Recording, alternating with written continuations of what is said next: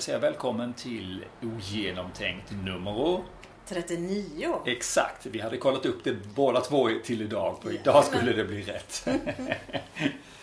Hur står det till med dig Tanja? Ja, men det är bra. Mm. Ja, det är väldigt soligt ute så det känns väldigt ja, skönt. Ja, jag har haft väldigt mycket energi här de sista veckorna faktiskt. Mm. Dels då så tror jag att det har med ljuset att göra men sen har jag ju eh, med inspiration av dig eh, tagit tag i, i sömn problematik kan jag inte säga egentligen. Men jag har varit väldigt petig med det. Dragit ner på kaffet, gått och lagt mig i tid och gått upp i tid. Ja, nu är jag ju på praktik så att då är jag så illa tvungen. Mm.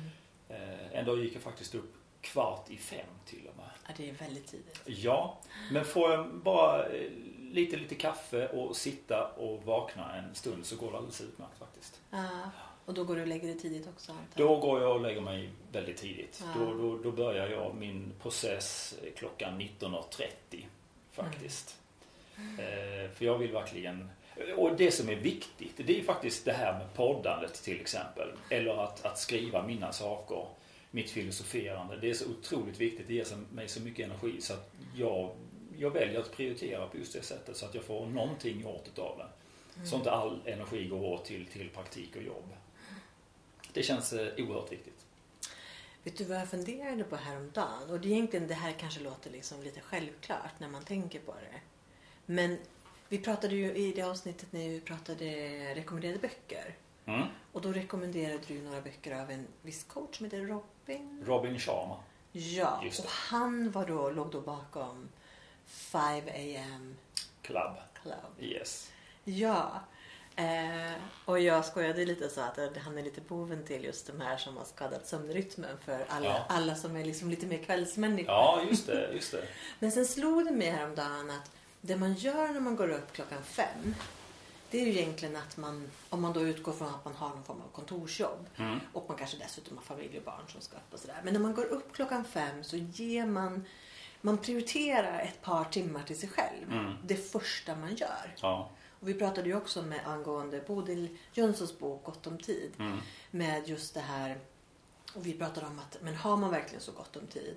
Eh, och vi tog upp just att när man är på jobbet så blir det ju lätt att de bästa timmarna på dygnet går till jobbet. Och Precis. när man kommer hem så är man ganska trött. Ja. Men om man går upp klockan fem och liksom tränar en timme, sitter och filosoferar en stund, mm. läser lite och har gjort de sakerna. Då har man ju prioriterat sig själv. Mm först. Mm. Och jag tänker att jag har inte läst hans bok, men det är kanske det han kommer fram till. Det är ju det. Ja. det är, alltså man, man startar dagen med att, att ge sig själv vad man vill. Sitta och meditera eller mm. ut och bara ta en kort promenad, jogga eller någonting sånt där. Man, eh, och kanske framför allt att man kör sin priming på morgonen. Priming det är då alltså att man går igenom sina egna livsmål och, och mm. schema. Vad är det jag ska göra? Vad är det jag ska ha genomfört idag? Eller på lite längre sikt. Mm. Och det är eh, Eh, någonting som jag har glömt rätt ofta men det är, det är, också en viktig bit att hela tiden påminna sig om vad är det jag faktiskt vill göra för det är så lätt att gå upp i an, allting annat eller att låta allting annat ta tid. Eller att man ger det tid snarare. Men att bli medveten om det. Ja, när vi pratade om det där med, med gå upp tidigt hela den biten då fick jag upp några av någon, jag vet inte om jag sökte det eller något Nej, det var någon snubbe i alla fall som visade på andra hur de lever och så. Eh, nu var det väl då mer konstnärer som Leonardo da Vinci och eh, Picasso. Hur de, de levde. De går upp klockan 11 på dagen och käkar lite middag och sen så jobbar de en god stund och käkar middag på kvällen och sen så jobbar de till klockan fyra på morgonen eller någonting sånt där. Mm. Så det, det, finns andra, ja, det finns de, alternativ. Ja men då är de kanske kvällsmänniskor. Ja och sen är de ju fria. Eh, de, mm. Alltså de, de måste ju inte de har ju inget fabriksarbete och när man har, har det då måste man anpassa sig på något vis. Mm. Eh, och fixa till så att man ändå får Ja men det är ju det här jag funderade på. För jag menar du behöver ju inte gå upp klockan fem på morgonen för att ge tre timmar till dig själv. Nej. Rent, rent krasst. Så Nej. skulle du kunna liksom se, eh, är det möjligt att jag börjar jobba klockan elva? Ja. Istället för, istället för åtta. Mm. Eh, och jag menar väldigt många, många företag, eller kontorsjobb som jag har varit på, de har ju åtminstone haft att okej, okay, men tiden du ska vara här är eh, som vi förväntar oss du är här, det är 9 till 4. Mm. Och man kanske till och med, eller 9.30 har jag varit på vissa ställen. Mm. Eh, och jag menar, där har du, redan där har du en och en halv timme mm. som du kan som du kan spela med. Sen beror det på om man är som sagt är kvällsmänniska eller morgonmänniska. Mm, mm. Ja, inom min bransch då, min kommande bransch Mm. så är det, då börjar vi ju 6.30 på morgonen. Mm. För att vi ska vara på byggena eh, klockan sju Mm. senast då. då. Det där är också spännande om man tänker på faktorer att väga in när man väljer jobb. Mm. För när jag gick på högstadiet, eller kanske till och med var mellanstadiet, så tyckte jag jättemycket om att baka. Mm.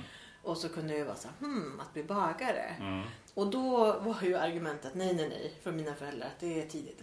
Ja, det Då är ju får du det. gå upp så tidigt. Men jag tänker att det är någonting som man funderar ganska lite liksom, när man väljer Mm. jobb. Mm. Eh, just att, ja, men vad, blir det för, vad får jag för liv Mm. av det här? Mm. Sen är det ju inte säkert att ja, men det kan ju liksom kan ju gå och skruva åt lite andra håll också. Ja, eh, det- men, men till stor del Tänker nu jag och hoppas. För jag har tänkt rätt intensivt just på, på hur jobbschemat ser ut. Och Mm. bara tanken av att jobba heltid. eh, Den, den är svår för min del. Mm. Men vi får väl se var det landar någonstans. Och Det är ju många timmar. Det är många timmar på, på en dag. Ja, och just också vad vi då, om jag minns rätt, kom fram till med Mm. Bodil Jönssons bok då. Eh, just att det är inte bara själva timmarna man är där utan det är liksom plus förberedelser av att, att packa eh, sakerna och maten och Mm. eh, ja, så att Ja men det är precis. liksom- Jag, jag gillar att tänka de här tre blocken. Åtta timmar jobb, åtta timmar sömn, åtta timmar fritid. Mm. Och de här fritidstimmarna, det, det, de går ju, det är ju prepptid på dem. Ja, det är ju det. Och det är ju väldigt mycket, och plus att man då styckar upp den här tiden. Mm. Så att när du på morgonen då så här, då, men du har frukost, du har preppat för barnen, du har liksom preppat Mm, dina grejer. mm. Du har, åh vi ska fixa det där. Ja. Eh, skrapa bilrutorna eller vad det nu kan vara, springa Ja, till bussen. precis. Och där har du två timmar, eller en och en halv eller vad man nu lägger, innan man kommer till jobbet. Då har man ju tagit från de här åtta timmarna. Mm. Så då har, man, då har man sex timmar kvar. Mm. Sen är det en timmes lunch, ja men då har man fem timmar kvar. Mm. Eh, och sen ska du liksom förbereda dig inför att gå och lägga dig. Ja men då är det Precis. fyra timmar. Så att Precis. det tickar liksom hela tiden ner och Ja. det blir ganska lite tid kvar. Ja. Och om man då dessutom eh, gillar att se på TV så blir det ganska lite tid. Mm. Mm. TVn är väl det som har... Jag kan ju gå i perioder ska jag säga. Mm. Men just nu har jag haft en, en lågintensiv period när det gäller TV. Mm. Det är väldigt lite som jag tittar Ja, jag har ju ingen TV så att det är ju hänvisat till datorn och då blir det ju väldigt specifikt det jag gillar också. Ja. Så, att, så det, det känns ju bra tycker jag. Mm. Mm.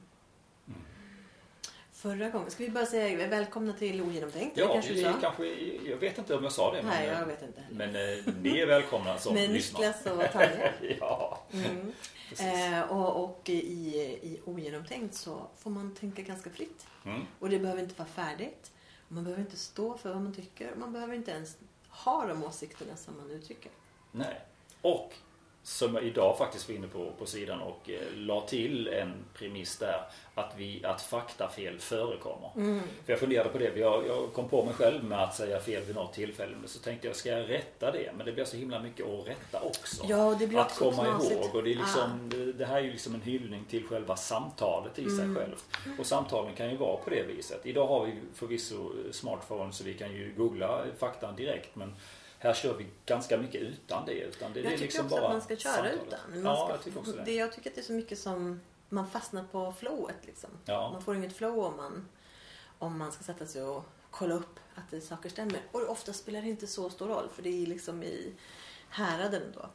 Men som lyssnare så får man gärna man, man får gärna låta bli att ta alla siffror för givet utan Ja. att titta efter också. Precis. Och det är ju lite grann fördelen med att sitta och lyssna. Vilket jag gör då. Ibland när det dyker upp någonting som jag inte kan så googlar jag det direkt så jag får liksom en uppfattning om vad det är för någonting. Mm. Och det kan vara precis vad som helst. Som det kanske handlar om statistik eller ett svårt ord eller Mm. ja, vad som faktiskt. Jag Så tycker ju överhuvudtaget att man ska ifrågasätta. Stämmer verkligen det där? Ja, Alltså att när man, när man hör någonting som låter, som låter lite märkligt. Att man faktiskt funderar på, men är, är det på det här viset? mm, Och börjar söka själv. mm. Jag, jag, jag anser ju nu att, att eh, eller jag upplever att vi lever i upplysningens tid 2.0. Ja, utveckla så utvecklar jag sen. Ja, men jag tänker mig att nu finns, nu finns alla möjligheter för varje enskild individ Mm, att upplysas. Mm. Ehm, och, och jag skulle också säga att man gör det. Sen så kan det ju vara en fråga vad man upplyses med och Ja. kvaliteten på den informationen. Eh, och det är ju det lite man pratar om, liksom olika filterbubblor och sådär. Mm. Vilket det väl i och för sig alltid har funnits. Och, eh, men, men det får man ju någonstans också ta man får ju ta sig därifrån eller Mm. från den punkten. Mm. Men nu finns allting så tillgängligt. Mm. Och du behöver inte själv sätta dig och läsa en 400 sidor lång bok och eh, reflektera mm, vad har jag lärt mig för den här. Utan du kan söka på Youtube Mm. på det där och så hittar du 10 recensioner eller 10 10 minuter långa diskussioner där Mm. du kan få en liksom du kan få det lite serverat. Mm. Vilket är ju någonting positivt. Vi behöver inte uppfinna hjulet på noll Nej. Eh, eller på nytt. Nej. Utan vi bygger på den kunskapen som redan finns. Mm. Mm. Men det är ju frihet under ansvar. Mm. Ja, det var lite kvaliteten där som jag var ute efter Ja. faktiskt. Där. Jag eh, såg en person på, på Youtube, var, vilket jag kommenterade, för hon, hon tyckte att eh, vi skulle lägga märke till i den staden hon befinner sig i. Liksom att, att, eh, är det inte så att ni har vaknat på nätterna av något flygplan? Och då, då finns det nog tydligen någon slags tro på att Eh, om vi tittar på ett flygplan så, så finns det en svans efter den, moln efter ett flygplan. Eh, så kallade chemtrails eller någonting sånt där kan det kallas. Eh, och det är ju bara avgaserna från, från flyget av vad jag har förstått. Men i den tron hon har då, i den, den kontexten hon befinner sig i, så handlar det om att staten har liksom eh, Staten sprider ut kemikalier för att fördumma folket. Och det tyckte jag ju var väldigt konstigt. Jag hade ingen aning om vad det var så jag undersökte vad det var. Men jag gav henne ett alternativ. Att det kan faktiskt vara eh, flygfotografering. Nu, jobbar jag, nu har jag på, på med kartografi och lite sånt. Så att då är det lite de tankarna. Vilket jag faktiskt tror att det var. För man menar att det flög i något visst mönster eller att det... Ja, för att den flyger fram och tillbaka. Vilket Ah. är, eh, Ja, ja, ja. när man kartograferar eller flyger med, med för att skapa kartor. Då, då är det, man flyger i vissa mönster helt enkelt. Mm. Men där trodde, och vilket jag skrev och sen så, eh, jag fick inget svar på det faktiskt. Mm. Så att, eh, Nej, och det Ja. tror jag är en sån sak. Det skrev ju också Hans Rosling i sin bok en Factfulness. Att, ehm, att just, just det här, och då skrev han väl om, om att vara vaccinationsmotståndare. Men då skrev han liksom att, eh, att om jag ger dig liksom starka fakta kommer du en, alltså, finns det några fakta som du skulle kunna ta till dig? Mm. Eller står du fast vid din åsikt? Och det kan man ju applicera på allt. Mm. Alltså, alltså spelar det någon roll?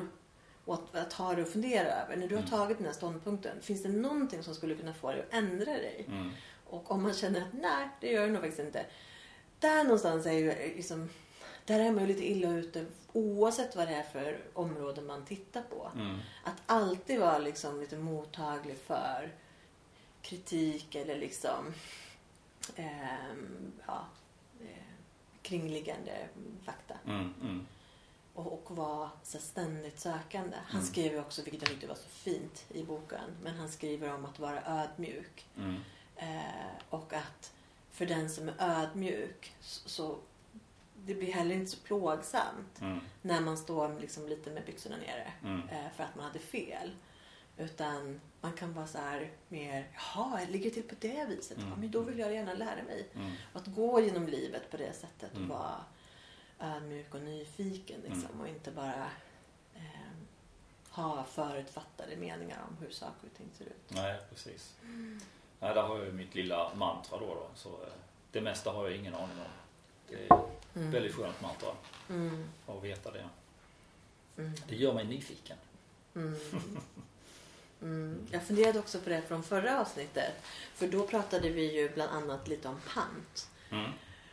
Och jag tror Förra avsnittet har vi pratat om i många Ja, vi har pratat om det i många avsnitt. Vi kommer komma. tillbaks igen. Ja, det kan nog komma igen. Men ja, nu, nu kommer det. För då, då sa du att men, men det är väl ingen mer som är på gång att bli pant? Kommer du ihåg? Känner du igen Ja, jo, jo. Ja. Och det, det fanns ju då då. Ja, och Ja. ja. För då läste jag precis efter att eh, Miljöpartiet kämpar ju för att få igenom att det ska införas en pant på mobiltelefoner. Ja, just det. Ja. Mm. Och den tycker jag ju är lite...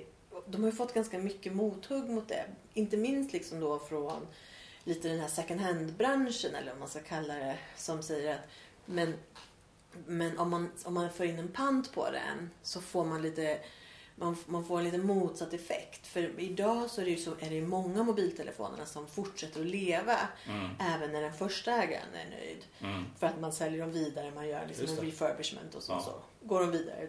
Kanske inte i Sverige eller liksom i, utan att de kan gå vidare. Ja, ja, vi har faktiskt det här i Sverige också. ja, det har vi Det säkert. finns ett företag som säljer, de hottar upp det och Ja. rensar.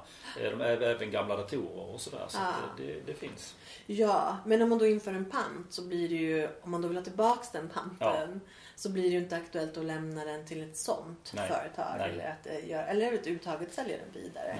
Nej. Eh, så då menar man ju liksom att, att eh, det, ur ett miljöperspektiv så ger det ju mer att förlänga telefonens livslängd Mm. än att liksom återvinna de här enskilda Mm. eh, komponenterna Mm. och metallerna. Eh, så det, är ju- det, det kommer mer på pant. Ja, det mm. Ja. ja. vad, vad har vi för någonting att bjuda på idag? ja, jag har funderat. Okej. Eh, jo, nej men jag tänker mig att i, nu, vi lever ju i ett sekulärt samhälle. Mm. Men jag upplever ju att vi har fått lite av en ny religion. Eh, nämligen klimatkrisen. Mm. Eh, och att vi hanterar det nästan som en religion. Eh, vi, jag menar, Greta kan ju, hon har ju i flera sammanhang beskrivits som, som en profet eller som, som en, en, vår generations Jesus. Alltså till och med från kyrkan har man ju har Ja. vissa, vissa personer gått ut och benämnt henne som, som, som eh, jag vet inte vad man ska kalla det, men som en motsvarighet liksom, till Mm. Jesus. Ehm, och, och med några olika eh, forskare som då skulle kunna ses lite som profeter. Mm. Eh, så jag har funderat lite och satt ihop en liten lista på moderna budord för vår Ah. nya religion. Spännande. Eh, ja, så jag tänkte att vi kunde, det blev bara åtta. Men det gör ju att det finns utrymme till att lägga till om man har någonting. Ja, men precis. Vi kanske kommer igång här. Kanske kommer igång. Ja, så jag tänkte precis. att vi skulle gå igenom den. Ja. Och jag ska säga så här, jag, jag tror att både du och jag ändå har ett, jag tror att vi kan uppfattas som att vi raljerar lite ibland över miljöfrågor. ja, det hoppas jag. Jag skulle egentligen säga eh, att, ja, vi, som sagt, vi behöver ju egentligen inte, där kan vi väl hänvisa till vår premiss.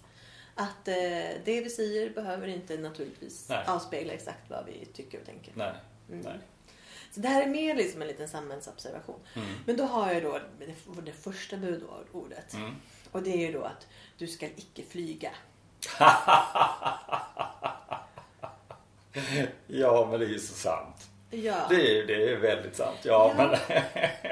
Ja men det är, och, och, och, och jag tycker, det finns ju liksom, jag hörde häromdagen bara i Frankrike, för i Frankrike så tar ju Macron fram, han, han vill ju ha en ganska, ganska aggressiv klimatagenda till skillnad då från i Sverige där man alldeles nyss la fram sina klimatmål som har fått lite kritik för att de var lite milda. Det handlar kanske mer om att man skulle skicka ut och städa. Ja, vad läste jag nu bara idag, eller nej, igår var det kanske då om eh, Ryssland och Kina som ska bygga nya kolkraftverk. Jag menar, ja. Ja, det, det är ju en del i sig. ja. Mm. Eh, Men Macron har ju då, där har de ju då i Frankrike gått ut och sagt att de vill förbjuda flygresor som är, där man kan åka tåg på under två och en halv timme. Mm. Och jag tänker ju att det låter ganska rimligt. Eh, Jag kan ju tycka som även i Sverige. Och det här tycker jag är lite intressant för att man har ju pratat ganska mycket i Sverige om att man ska ha, och man kanske till och med har infört det, jag är lite osäker. Men att man, att man vill lägga flygskatt på långflyg. Där har jag inte hängt med. Så att det- Nej, men och jag har liksom studsat på det för att jag tycker att Alltså långresor, Mm. de här riktigt långa resorna, jag tänker Mm. till Thailand, alltså så åtta timmar och längre. Mm. Eller åtminstone kanske sex timmar och längre. Mm. Eh, där tänker jag ju att oftast är det svårt att göra de resorna utan flyg. Mm. Eh, och dessutom gör man dem ju inte särskilt ofta. Om det inte är så att man det är jobbresor. Mm. Och jobbresorna är ju väldigt sällan någonting som folk gör för sitt väldigt krasst. Det, det är inte för, bara för nöjes skull som man gör Nej, utan för nej. att det, man ser det behovet. Mm. Och där tänker jag ju förhoppningsvis kommer man ju tack vare pandemin att bli, bli bättre på att kunna eh, kommunicera eh, och inte behöva ha så mycket direktkontakt Mm. och slippa mycket av de här långa resorna. Det tror jag många skulle kunna må bättre av också. Mm, mm. Eh, Jag tänker ju allmänt när det gäller flyg att eh, flygresorna borde vara till för att människor ser världen.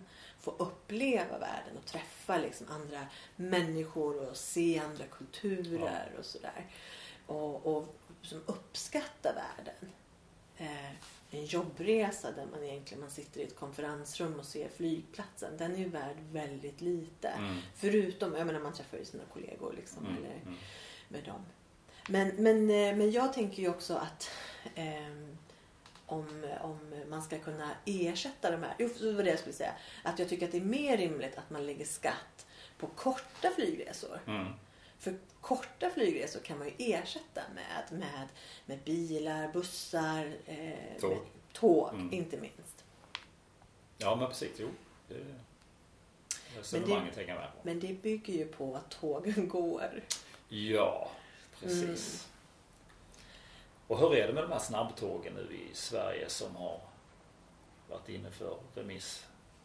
Ja, men jag tänker på med höghastighetsbanorna Ja, då precis. eller? Ja. Jag är inte riktigt med i den Nej. svängen känner jag. Nej, Eh, jag tänker mest att det blir fruktansvärt dyrt. ja, Och med tanke på hur våra byggen har fungerat här i Sverige, med tanke på Hallandsåsen eller på Karolinska institutet, så har det blivit vansinnigt mycket dyrare allting. Mm. Och då, då börjar jag fundera liksom, ah, men det är det inte bättre att rusta upp kanske eller mm. något annat alternativ till det? ja, jag tänker också att tågen i sig har ett ganska stort behov av upprustning. Som, Ja. det, som det är idag.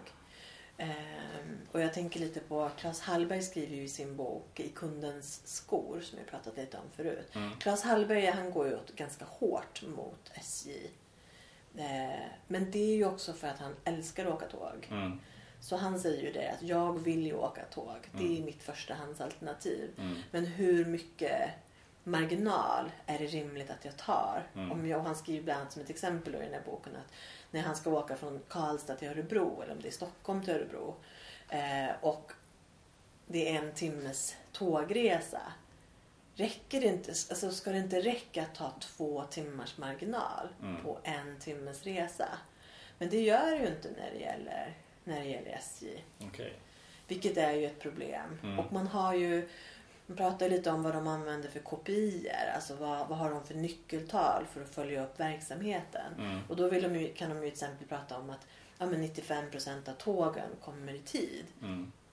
Vilket han, som, Claes säger, det, det är ju, och som jag håller med om, liksom, att det är ju inte det, är inte det där problemet är. Det är ju problemet med de här 5 procenten, hur sena de blir. Mm. Det är ju, för de flesta människor så är det ju inget problem att man kommer 10-15 minuter sent på en två timmars resa. Nej, Det, det är förmodligen inget problem att du är en halvtimme sen. nej. Det blir problem när du är en timme sen. Mm. Eller när du är tre timmar sen. Eller Mm. kanske åtta timmar sen. Eh, och jag menar det är ju, det är ju väldigt krasst att... Och jag kommer ihåg jag var på Claes Hallberg eh, på en föreställning som han höll. Mm. Och då berättade han att han hade åkt, jag tror att han hade åkt där Stockholm, Göteborg, Karlstad, Stockholm eller någonting. Mm. Eh, men ett antal tågresor under en helg. Mm. Och han sa alla resorna var i tid. Och då fick han stående ovationer.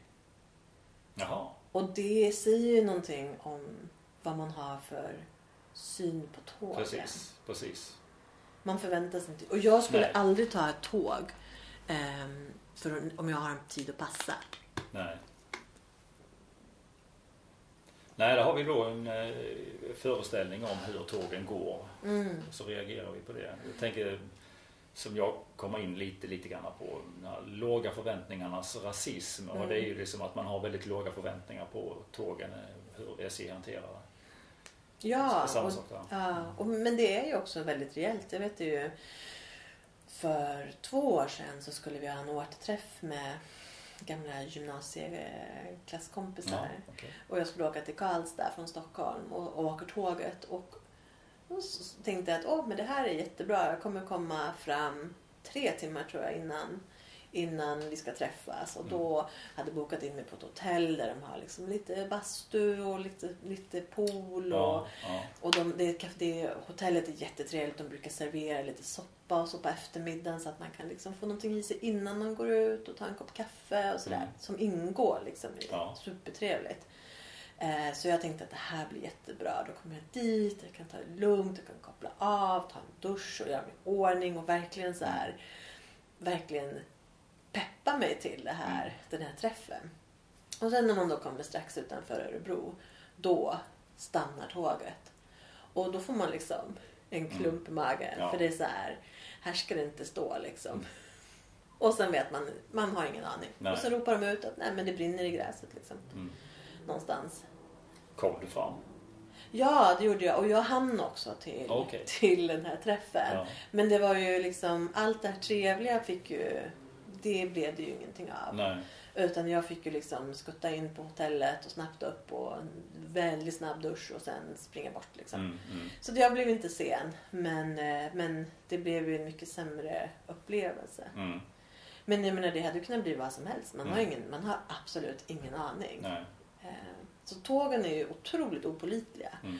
Och där tänker jag ju, så, så, så ser man ju inte på flyg. Nej. Alltså flygen kan ju naturligtvis också bli. Men det, där, eh, där känns det ju mycket mer stabilt. Mm. Mm. SJ skulle plagiera flygens eh, Jag tror man, man måste ju åtminstone vara för att om, Titta om man, på det, vad är det de gör för någonting för att lyckas med saker och ting? Och så. Ja, Se om man kan applicera det. ja, jag tror, jag tror ju ändå att man... Ja. Mm. Jag menar mycket är väl faktiskt rent krasst. Om det är så här eh, att gräs kan börja... Jag menar det är ju ganska givet. Det kommer gnistor från gräset. Det ska inte vara gräs liksom. Gnistor från tåget. Ja, gnistor från tåget till gräset. Ja, när gräset är gnistor då, Ja. då är det farligt. Ja. Eh, nej men det finns ju mycket och samma sak när det är liksom löv och, och allting. Det är, Mm. ju, det är ju väldigt krasst liksom hur man... Jag menar okej att det är många, många kilometer räls. Mm. Men eh, eh, det finns väl lösningar att ta till Mm. helt enkelt. Men jag menar det måste ju bli. Ska, ska flyget eh, bli mindre så behöver det ju finnas andra alternativ. Mm. Mm. Mm. Du ska icke flyga. Mm. Mm. Mm. Ja, bra inledning. Jag är nyfiken på resterande. Eh, då kommer det andra budordet då. Mm. Eh, du ska icke äta kött. Mm. Framförallt inte nötkött. Mm. Och det här tycker jag ju är intressant.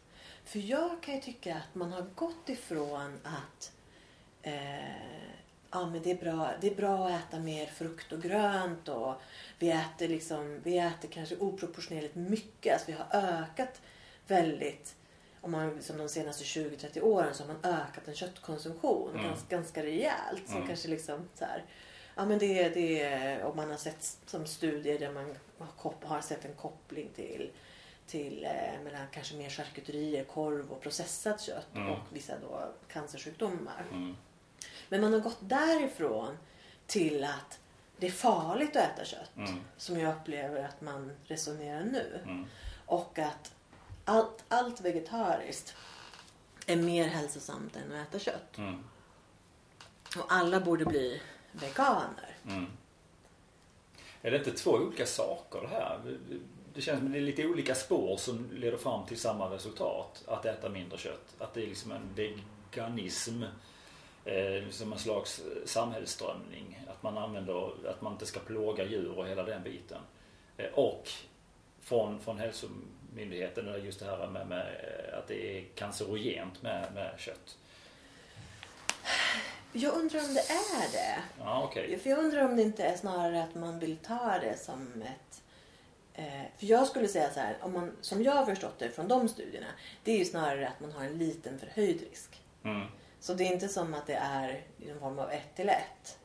Att Nej. om du, ät, om du äter så kommer du få. Mm. Utan du har en liten förhöjd risk. Det har man ju från väldigt många olika saker. Så Mm. Du rör inte på dig, du röker eller du Mm. dricker alkohol Mm. eller vad det nu kan vara. Mm. Så förhöjer risken. Ja. Och jag menar väldigt krasst är ju att eh, eh, för väldigt många människor så är det så här. Det här är en livsstil som jag kanske inte är intresserad av att förändra. Mm. Man kanske till och med så här, kan tänka sig leva med en viss risk för att dö. Mm. Det, ja, det går ju. Men, men jag upplevde snarare att jag, jag, ska, jag, vet, jag vet inte hur det här har jag vet inte hur det har gått så mycket till, till allmänheten. Den, den här allmänna idén som jag tycker har gått ganska fort med att man anser ehm, att man ska bli vegan. Jag tror att det kom mycket. Det, det finns ju en dokumentär som heter Game Changer Mm. som jag inte har sett. Men jag har liksom lyssnat på recensioner om den. Och det handlar ju då om, om liksom just lite prestationen. Om man går över till veganskt, Mm. eh, vegansk kost. Och hur man liksom pres- presterar kanske mer idrottsligt som jag förstår. Mm. Och att man hade liksom studerat olika personer. Jag, jag tror att det, att det var män som man studerade. Okej. Eh, men att man då såg en väldigt positiv, positiv effekt eh, och att de liksom fick förhöjda resultat i sin träning och sådär. Eh, sånt där är ju lite lurigt. Mm. Ehm, och som sagt, jag har inte sett den. Jag har inte tyckt att den varit värd att se. Men jag vet ju, samtidigt är det väldigt många som man har pratat med i omgivningen som, som har sett den och som tycker att Nej, men det här gör att jag vill börja äta mer vegetariskt. Mm. Men Sen upplever jag också att det är många kvinnor som har varit vegetarianer längre och som pushar också sina män till att bli det. Mm. För att det kanske är där liksom det märks mest att det är fler och fler män som vill äta vegetariskt. Mm. Och sen finns det ju också väldigt mycket, nu har det kommit mer och mer eh, köttsubstitut. Ja, det marknaden. gjort. Man jobbar ju på att eh, hitta fler Utav det. ja, och jag lyssnade häromdagen på, det finns en podcast med Charlie och Mattias, Ekonomipodden. Ja, just det. Eh, heter den Ekonomipodden? Det Eh, låter bra. ja, men det är med Charlie och Han, Mattias. ja, som han är ju ekonom det. i alla fall. Så att, eh, Ja. Eh, Mattias vet jag inte vem är. nej, jag kommer inte ihåg vad han heter i efternamn. Charlie Söderås. Så Mattias, ja, Ja, vi säger alltid, heter han Söder? ja, det jag är alltid osäker på det här slutet. Vad heter jag? Almberg? Nej. Men, nej, men de satt och pratade. De hade med en kille som då jobbar på ett företag som tar fram eh, ett, en, ett, de, de vill ta fram substitut för fisk och skaldjur. Så de höll på, hade bland annat en produkt som då skulle ersätta tonfisk. Mm. Och jag har ju varit delvis vegetarian under en period. Jag var ju det från tonåren upp till 25 ungefär. Mm. Ehm, och då var ju min motivation bakom var ju att jag inte gillade smaken av kött. Mm. Jag gillar liksom inte konsistensen. Nej. Så jag tyckte att det var svårt att äta kött. Mm. Eh, och det i sin tur gjorde att jag åt inte kött. Mm. Så att jag fick, jag började få, jag, jag började få järnbrist. Mm. Ehm, så att jag var ju faktiskt då, och eh, min mamma som är sjuksköterska, hon tyckte ju att jag var vä- väldigt förkyld och väldigt trött. Mm. Så hon eh, tog med mig för att, och gjorde en test för det. Mm. Och konstaterade att då låg jag fortfarande inom intervallet av vad som ses normalt. Mm. Men det var precis i bottenkanten. Okej. Så att jag började, då åt jag lite Mm. järntillskott under en period. Jag har ju också varit vegetarian under en period. Mm. Eh, Vilket inleddes med att läsa en bok som heter Äta djur. Eh, Och jag läste 30 sidor och blev fullständigt förändrad. Jag startade direkt med, med att att bli vegetarian.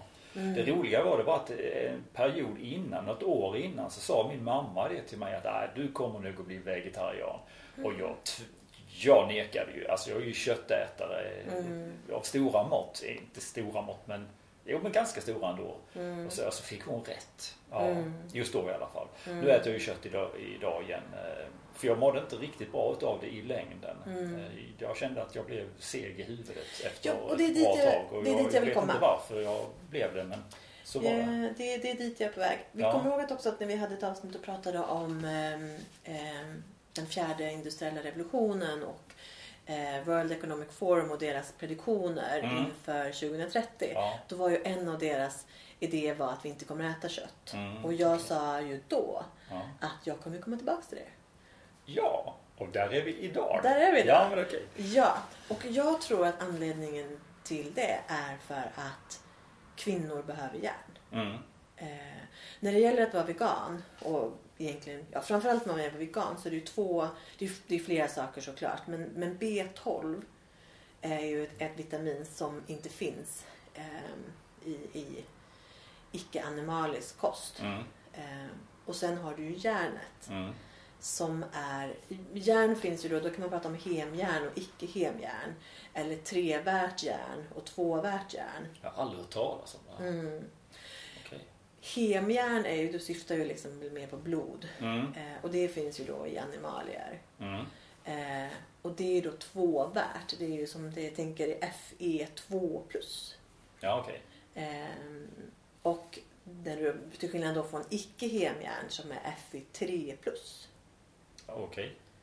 Eh, och icke-hemjärn tas upp sämre av kroppen. Mm. Eh, och jag satt och, jag satt, jag satt och, jag satt och förberedde lite på här. Just för att prata lite om, Mm. om järnet. Eh, för jag tycker ju som sagt att det är eh, lite spännande. Eh, så, så hemjärn tas upp mindre, eh, eh, hemjärn tas upp mer effektivt. Ungefär 15 till 35 procent av det man äter tas upp. Till skillnad från icke-hemjärn där det då är ungefär mellan 2 och 20 procent som tas upp av. 2 och 20. Ah. Ja, okej.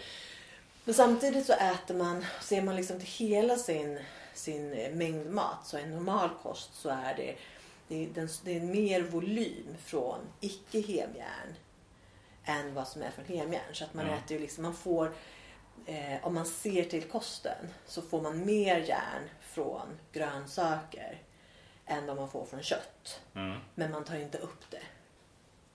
Man tar inte upp det från grönsakerna. Nej. Nej. Och det beror väl på just den här, den här molekylen som då inte, den har svårare att passera tarmen. Mm. Eh, så den sugs liksom inte upp och det är därför man då rekommenderar att man ska, man ska planera kosten. Mm. Eh, för tar man då med C-vitamin så hjälper det liksom att, eh, att jag antar att den spjälkar upp det på något sätt. Ja, det jag skulle gissa att nu gissar jag verkligen bara att, att molekylerna binder varandra på något vis. Ja, eller jag tänker mig att om de spjälkar upp dem kanske de blir mindre. Så att det blir Ja, en okej, två, ja. så att det skulle bli Ja, en. Ja. Men jag, jag Ja. ska säga att jag vet inte. Nej. Jag har inte läst, jag har inte läst så på grunden. Eh, men, det, men det man rekommenderar är ju då att när man äter när man äter, får i sig järn, när man äter en vegetarisk kost och, och behöver då få järnet från de vegetariska. Då, det, då ska man kombinera det med citrus, Mm. frukter eller någonting Mm. med C. Alltså ta ett glas juice till eller ät Mm. en apelsin eller någonting. Mm. Och det är just för det. det förr har man pratat om det även för, för järnet i som äter du blodpudding eller sådär. Men jag tror inte att det är samma. Det, utan det är specifikt för icke-hemjärnet som du behöver kombinera. Ja, ja. Och dessutom som är lite spännande. Det är ju då att om du äter hemjärn. Mm. Om du får i dig hemjärn, alltså järnet från köttet. Mm. Så ökar det upptaget av icke-hemjärn. Ja. Så det är ju en liten, en, en liten spännande. Eh, och om man säger då pratar om järnet så är det ju så här. Kroppen förlorar 1-2 milligram järn per dag på grund av cellavstötning. Så Mm. det tappar liksom alla. Mm. Så det är ju någonting som man behöver kompensera för. Mm. Eh, men när det, gäller, när det gäller kvinnor så tappar ju de lite mer Mm. i och med sin månadsblödning. Mm. Eh, Så för kvinnor så rekommenderar Livsmedelsverket att man eh, får i sig 15 milligram per dag. Mm. Medan man då för övriga rekommenderar 9 milligram. Mm. Ehm, och om man pratar då om, för det här tycker jag ju är lite intressant när det gäller eh, om man då tänker så här, jo jo, men jag kan ju bara ta ett järntillskott Mm. så är det problemet löst. Men det är bara mellan 1 och 10 procent av, en järn, av järntillskottet som Mm. tas upp av kroppen. Mm. Jag blev ju lite chockad när jag fick höra det. Mm. Eh, så att om du tar då en tablett per dag och så får du i dig ja, max 10 procent av det. Ja. Och du kan ju inte ta 10 tabletter. Eh, för då kommer du, för det första så reko- avrekommenderas man ju ganska starkt från det. Mm. Ehm, men, men också för då kommer man ju, då kommer man ju må ganska, ganska dåligt. Mm. Mm. För att man då, att, att man inte tar upp det här järnet gör ju också att det bara passerar ut och skapar vissa biverkningar som Mm. att man mår dåligt Ja, eller visst. får diarréer. Så det är ju lite problemet med att du kan inte, du kan inte äta en helt vegetarisk kost och bara, ta, bara kompensera det med järntabletter. Det är inte riktigt så enkelt. Nej. Eh, järnupptaget är liksom lite lurigt. Mm. Och när, man gäller, när det gäller järn så har man man har ju dels järnet som cirkulerar i kroppen med blodet. Sen Mm. har man ju också järndepåer. Så att det finns järn i sin lever Mm. och så finns det järn i liksom benmärg och sådär. Mm. Eh, har man lite låga järnnivåer i blodet så kommer man ju ta det från sina depåer. Eh, men om det bara tas och tas och aldrig fylls på Mm. då kommer man ju då till slut få, få väldigt låga järnvärden eller till slut då anemi eller blodbrist. Mm. Eh, och globalt sett så är, nu ska vi se så att jag, att jag, säger, att jag säger rätt. Ehm, jag den, tusen inte den siffran. Jo, av jordens befolkning så är det en fjärdedel som har blodbrist. Okej. Eh, och det kanske man då kan tänka sig att det är eh, en stor del om man då pratar om nivå 1, 2, 3. Om man utgår från Hans Roslings, liksom, att man pratar om att vi har inte eh, västvärlden och resten utan vi har fyra e- ekonomiska nivåer eh, som, som fördelar sig. Mm. Ehm, så kanske man då kan tänka sig att det, det är i den här eh, delen. Men det är ju också någonting som man, och- det här är ju lite av ett argument som man använder när man pratar om att bli vegan. Att Mm. Det finns ju massor av områden där man är vegan Mm. och där man äter vegetariskt och det går alldeles utmärkt. Mm. Till exempel man har, pratar om Indien där ju många är, eh, inte äter liksom kött av eh, religiösa skäl. Ja, precis. Men där har man också eh, problem med bristsjukdomar, bland Ja, annat ja. järnbrist. Okej. Ehm, och det är någonting som inte riktigt... Jag förstår inte riktigt varför det inte riktigt kommer upp i, i, i debatten. Nej. För mig är det lite som ett, lite av ett Jag har aldrig tänkt på detta så att jag har inte Nej. sökt någonting heller. Men jag kan tycka att det, det är väl ganska rimligt att man, man som man inte funderar så mycket Mm. på järnbrist. För det är inte ett problem. Mm. med, med en, en normal kost så får du, du kan ju äta ganska, förmodligen en ganska lite kött eh, och ändå få i dig den mängden järn. Ja, vad de säger så är det ju oerhört lite kött som man egentligen behöver.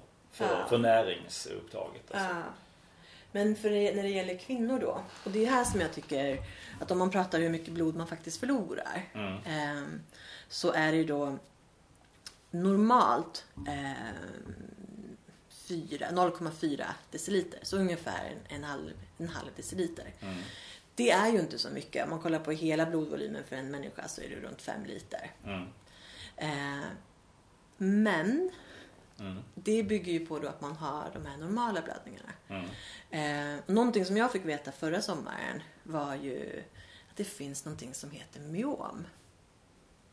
Ja, det känns igen. Ja, jag kände inte igen det, vilket jag tyckte var eh, lite provocerande. Att jag inte, inte, att jag inte kände till det. Okej. Men av, av bland, bland kvinnor över 40 år i Sverige så har ungefär 40 procent myom. Okej. Så där kan man ju nästan utgå från att det blir stor sannolikhet att man får det. Och myom är ju alltså då ofarliga muskelknutor som sitter inuti eller utanpå livmodern. Mm. Och de här kan då bli upp till 30 centimeter stora. Oj. Så det är ju som en fotboll. Ja. Och det är ju i det, extremfallet såklart. Så det är ju inte, det är ju inte vanligt. Då trodde man se gravid ut rent av. Ja, då ser man nog lite, lite gravid ut. Och det Ja. trycker nog åt på ganska många håll. Ja, faktiskt. Ja, så att jag tror inte att 30 centimeter det är ju inte, det är ju inte bara normalt. Det är ju inte normalt att man har även om man har det. Men det gör man väl ändå någonting åt? Jag menar operera och så. Ja, det, det, Även om man det kan är ofarligt. Jag menar det, det Ja, men absolut. trycker på de andra organen. Liksom. Ja, och jag menar man kan till exempel operera bort livmodern. Mm. Eh, och vi hade, när jag var och pratade med gynekolog, för jag har ju då ett par myom. Mm. Ehm, men de ger ju inte så mycket besvär. I alla Nej. fall inte idag. Jag, jag tycker ju, jag är ju inte jättesugen på att göra ett kirurgiskt ingrepp. Nej. Och jag är heller inte sugen på att, att äta någon form av ta någon form av hormon eller någon form av medicinering för att liksom förändra situationen eftersom att jag tycker att det är drägligt som det är. Ja. Ehm, men ehm, de här myomen kan ju då redan, alltså när de är mellan 3 och 7 cm så börjar de ge symptom. Så de är ju fortfarande ganska stora när man börjar märka av dem. Ja. Ehm, och har man då, alltså ett vanlig biverkning när man har myom det är ju att man blöder mer. Mm. Och då kan man blöda uppemot en liter per månad. Ah. Eh, Så från en tjugondel till en femtedel. ja. Mm. Och här skulle jag ju säga liksom, för när jag då har pratat runt med lite olika, med olika väninnor och, eh, så skulle jag ju säga att det är mer regel än undantag. Jag skulle nästan inte säga att det, det, det är någon som har sagt någonting annat än att man blöder mer. Mm. När man blir äldre så blöder man mer och de senaste åren efter 30 så Mm. har man liksom ganska rejäla blödningar. Mm. Och så pass att det är, det börjar bli lite jobbigt att hantera det. Så en eller två dagar i månaden så blir det nästan svårhanterligt. Mm. För att man måste ja, men minst varannan timme springa på toaletten för att ta hand om det. Mm. Och det blir svårt att sova för att du måste liksom du blöder igenom Mm. och, och förlorar mycket, Ja. mycket blod. Och där kan man ju tänka sig att om man då om man tänker sig att man blöder kanske, återigen, en liter är ju ett extremt fall. Men säg att man blöder, blöder en, en halv liter. Då motsvarar ju det vad en blodgivare ger. Ja. Eh, och en blodgivare får ju inte ge blod mer än var tredje månad. ja, det är någonting sånt där. Ja. Det är så pass mycket ändå? Ja. Också? Aha, okej. Ja. Mm. Jag tror att det är precis 4,5 deciliter har jag kollat upp Okej, ja. att man får ge. Ja, Eh, så det, är ju förhoppningsvis, det är förhållandevis mycket till sin blodvolym. ja det är det. Och då säger man också att eh, det tar mellan två och fyra veckor innan de röda blodkropparna har återbildats. Och det är de som tar längst tid att återbilda. Ja. Och det betyder ju då att om man pratar om för en kvinna så har du ju, om, om det tar fyra veckor Mm. att återbilda Mm. så är det ju en risk att du hamnar i en spiral som bara går neråt. Utlakar. Ja, Ja. som lockar ut. Mm. Eh, och om du dessutom då utesluter eh, bra järnkällor i din kost, Mm. då börjar det ju bli, ligga i riskzonen. Så jag tänker ju att eh, om ett par år, för, för som det ser ut nu så tänker jag att nu, nu, nu, nu är det just, det, det är det som gäller. Man ska inte äta kött. Mm. Eh, och eh, mer och mer resonerar man att man ska gå över till veganskt eller vegetariskt. Mm. Eh, och jag tror ju att om några år så riskerar vi att se ganska stora konsekvenser av det. Ja, ja, det kommer ju visa sig. Ja. Och jag tänker redan idag att det är, för det här är ju också lite av ett problem skulle jag säga, att när det gäller blod, ehm, jag ska inte säga blodbrist, men att man har låga, att man har låga järnnivåer. Det behöver ju inte vara, om man då pratar om som när jag eh, gick på gymnasiet, mm. eh, då låg jag ju fortfarande inom intervallen. Mm. Så det var inte någonting som man tyckte behövde göras någonting åt. Men då hade jag ju varit trött och förkyld och liksom hängig Mm. i månader. Mm. Ehm, Men det är väl också reaktioner från person till person, gissar jag. Att det är individuellt, eller? jag tror faktiskt inte att det är det. Okej. Utan det man säger när det gäller symptom för, för järn, låga järnnivåer så är det ju att man, och järnbrist. Då är det att man får blek hy, bleka slemhinnor. Man får en glatt tunga, en- som en hal tunga som svider och man får sprickor i mungiporna. Mm. Man får håravfäll, spröda naglar, försämrad kontroll av kroppstemperatur. Det kan man ju tänka sig att det är ganska många som, som klagar över att de fryser. Mm. Mm. Eh, man blir andfådd, man får yrsel och öronsus. Eh, man orkar inte lika mycket fysiskt, får sämre uthållighet och man får sämre immun och infektionsförsvar. Eh. Mm. Men också att man blir trött, man blir deprimerad eh, och man får sämre koncentrationsförmåga. Eh, jag tror ju att många av de här sakerna det är ju sånt som väldigt många känner igen sig i. Mm. Men som man kanske snarare kopplar till eh, ja, det stressigt på jobbet eller andra faktorer. Ja, ja. Och jag tror att det är väldigt många som, eh, som faktiskt det, det, är, det är låga järnnivåer Ja. som är problemet. Eh, och jag hade ju själv en liten, en liten hjärnuppenbarelse Mm. eh, 2016. Mhm. För då hade jag haft en period, jag hade precis flyttat hem till Sverige från Australien. Mm. Eh, och blev så himla trött. Alltså jag blev så jättetrött. Så att jag kom hem från jobbet och bara satte mig och var så här, jag orkar inte göra någon, någonting. Mm. Jag orkar knappt liksom äta middag, orkar absolut inte träna och var bara så fruktansvärt trött. Och sen så när jag var eh, tillbaks till Australien, för jag hade ju min sambo, eller dåvarande eh, pojkvän som, Mm. som bodde kvar. Mm. Så när jag åkte tillbaks till och hälsade på någon månad senare, fortfarande väldigt trött. Och då ska jag säga att då hade jag ju också skaffat mitt eh, första aktivitetsarmband. Så jag tyckte ändå att jag sover ju liksom. Mm. Det är ju inte sömnbrist som är problemet. Nej. Jag kan liksom inte sova mig ur det här. Ehm, och då satt jag och bläddrade i någon tidning, hittade någon annons för järntabletter, järntillskott. Mm. Ehm, och, eh, och, och det stod ju liksom att uppemot en fjärdedel av kvinnor har låga järnnivåer. Mm. Eller om det var en tredjedel. Jag kommer inte ihåg siffran. Man får inte lita på fakta. Nej, precis. Eh, nej men att det är låga för att man blöder. Mm. Eh, och det var en så här när det säger ping. Eh, att självklart, det är väl klart att, att kvinnor riskerar att få låga järnnivåer. Mm. Varför har jag inte tänkt på det innan? Liksom? Mm, Det är väl mm. ganska uppenbart. Och det stod dessutom då att svettas man mycket så riskerar man också, och det står skriver man också att ofta att idrottare kan få, Mm. eh, har ett större behov av järn. Mm. Det är lite oklart varför. Mm. Eh, för, från min sida. Eh, men men, eh, men jag, då gick jag dagen efter och till en hälsokost eller något apotek Mm. och eh, sa att jag skulle vilja liksom köpa något järntillskott. Mm. De plockade fram en liten burk som är, för de sa det, du har inte kollat. Där, ja, men då ska vi ta någonting som ändå är liksom lite, lite snällt. Mm. Ehm, och, och jag började äta dem där. Och efter ett par månader så fick jag verkligen en sån. Det var, det var en hel omvändning. Där jag blev knivskarp och Ja. extremt utvilad och bara kände mig som en helt ny människa. Ja. Ehm, och sen så några ytterligare några månader senare, för sen tog ju just den där tabletterna slut. Jag kunde inte köpa på mer av den sorten.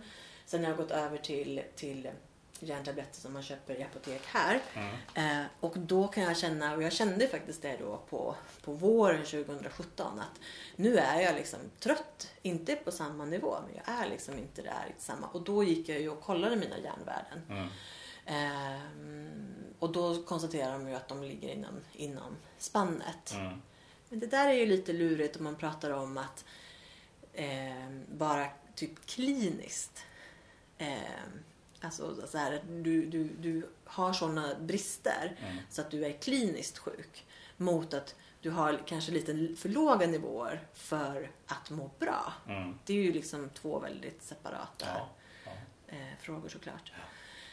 Så sen dess har jag ju, jag har ju käkat mina järntabletter. och inte, inte funderat så jättemycket över. Jag har liksom inte riktigt haft samma uppenbarelse. Nej. Eh, men nu den senaste tiden så har jag ju börjat att sätta mig in lite mer i det här. Och bland annat just på grund av myomen. För nu har jag känt att, att jag har blivit tröttare och jag har liksom svårt, jag blir liksom mer andfådd. Och, och, eh, och då har jag funderat på, okej men vad kan jag göra för att optimera mitt järnupptag? Och Mm. vad säger man egentligen? Alltså, skulle det vara till exempel en fördel att kanske äta mer järntillskott under en viss period av sin månad? Mm. Kollar man på de här förpackningarna så står det bara en tablett om dagen. Mm. Möjligtvis två. Mm. Eh, Men, eh, men det, det är ju inte så här... Eh, ja, men om du äter... Jag, jag tänker mig att man har någon, skulle ha någon mer eh, optimering. Mm. Eh, men det, det, det är ganska svårt att hitta forskning på det här. Mm. Eh, vilket jag också kan tycka då är lite tråkigt. Jag tror att det är lite underforskat på just hur kvinnor Mm. påverkas av. Jag tycker det här låter som en spaning för framtiden.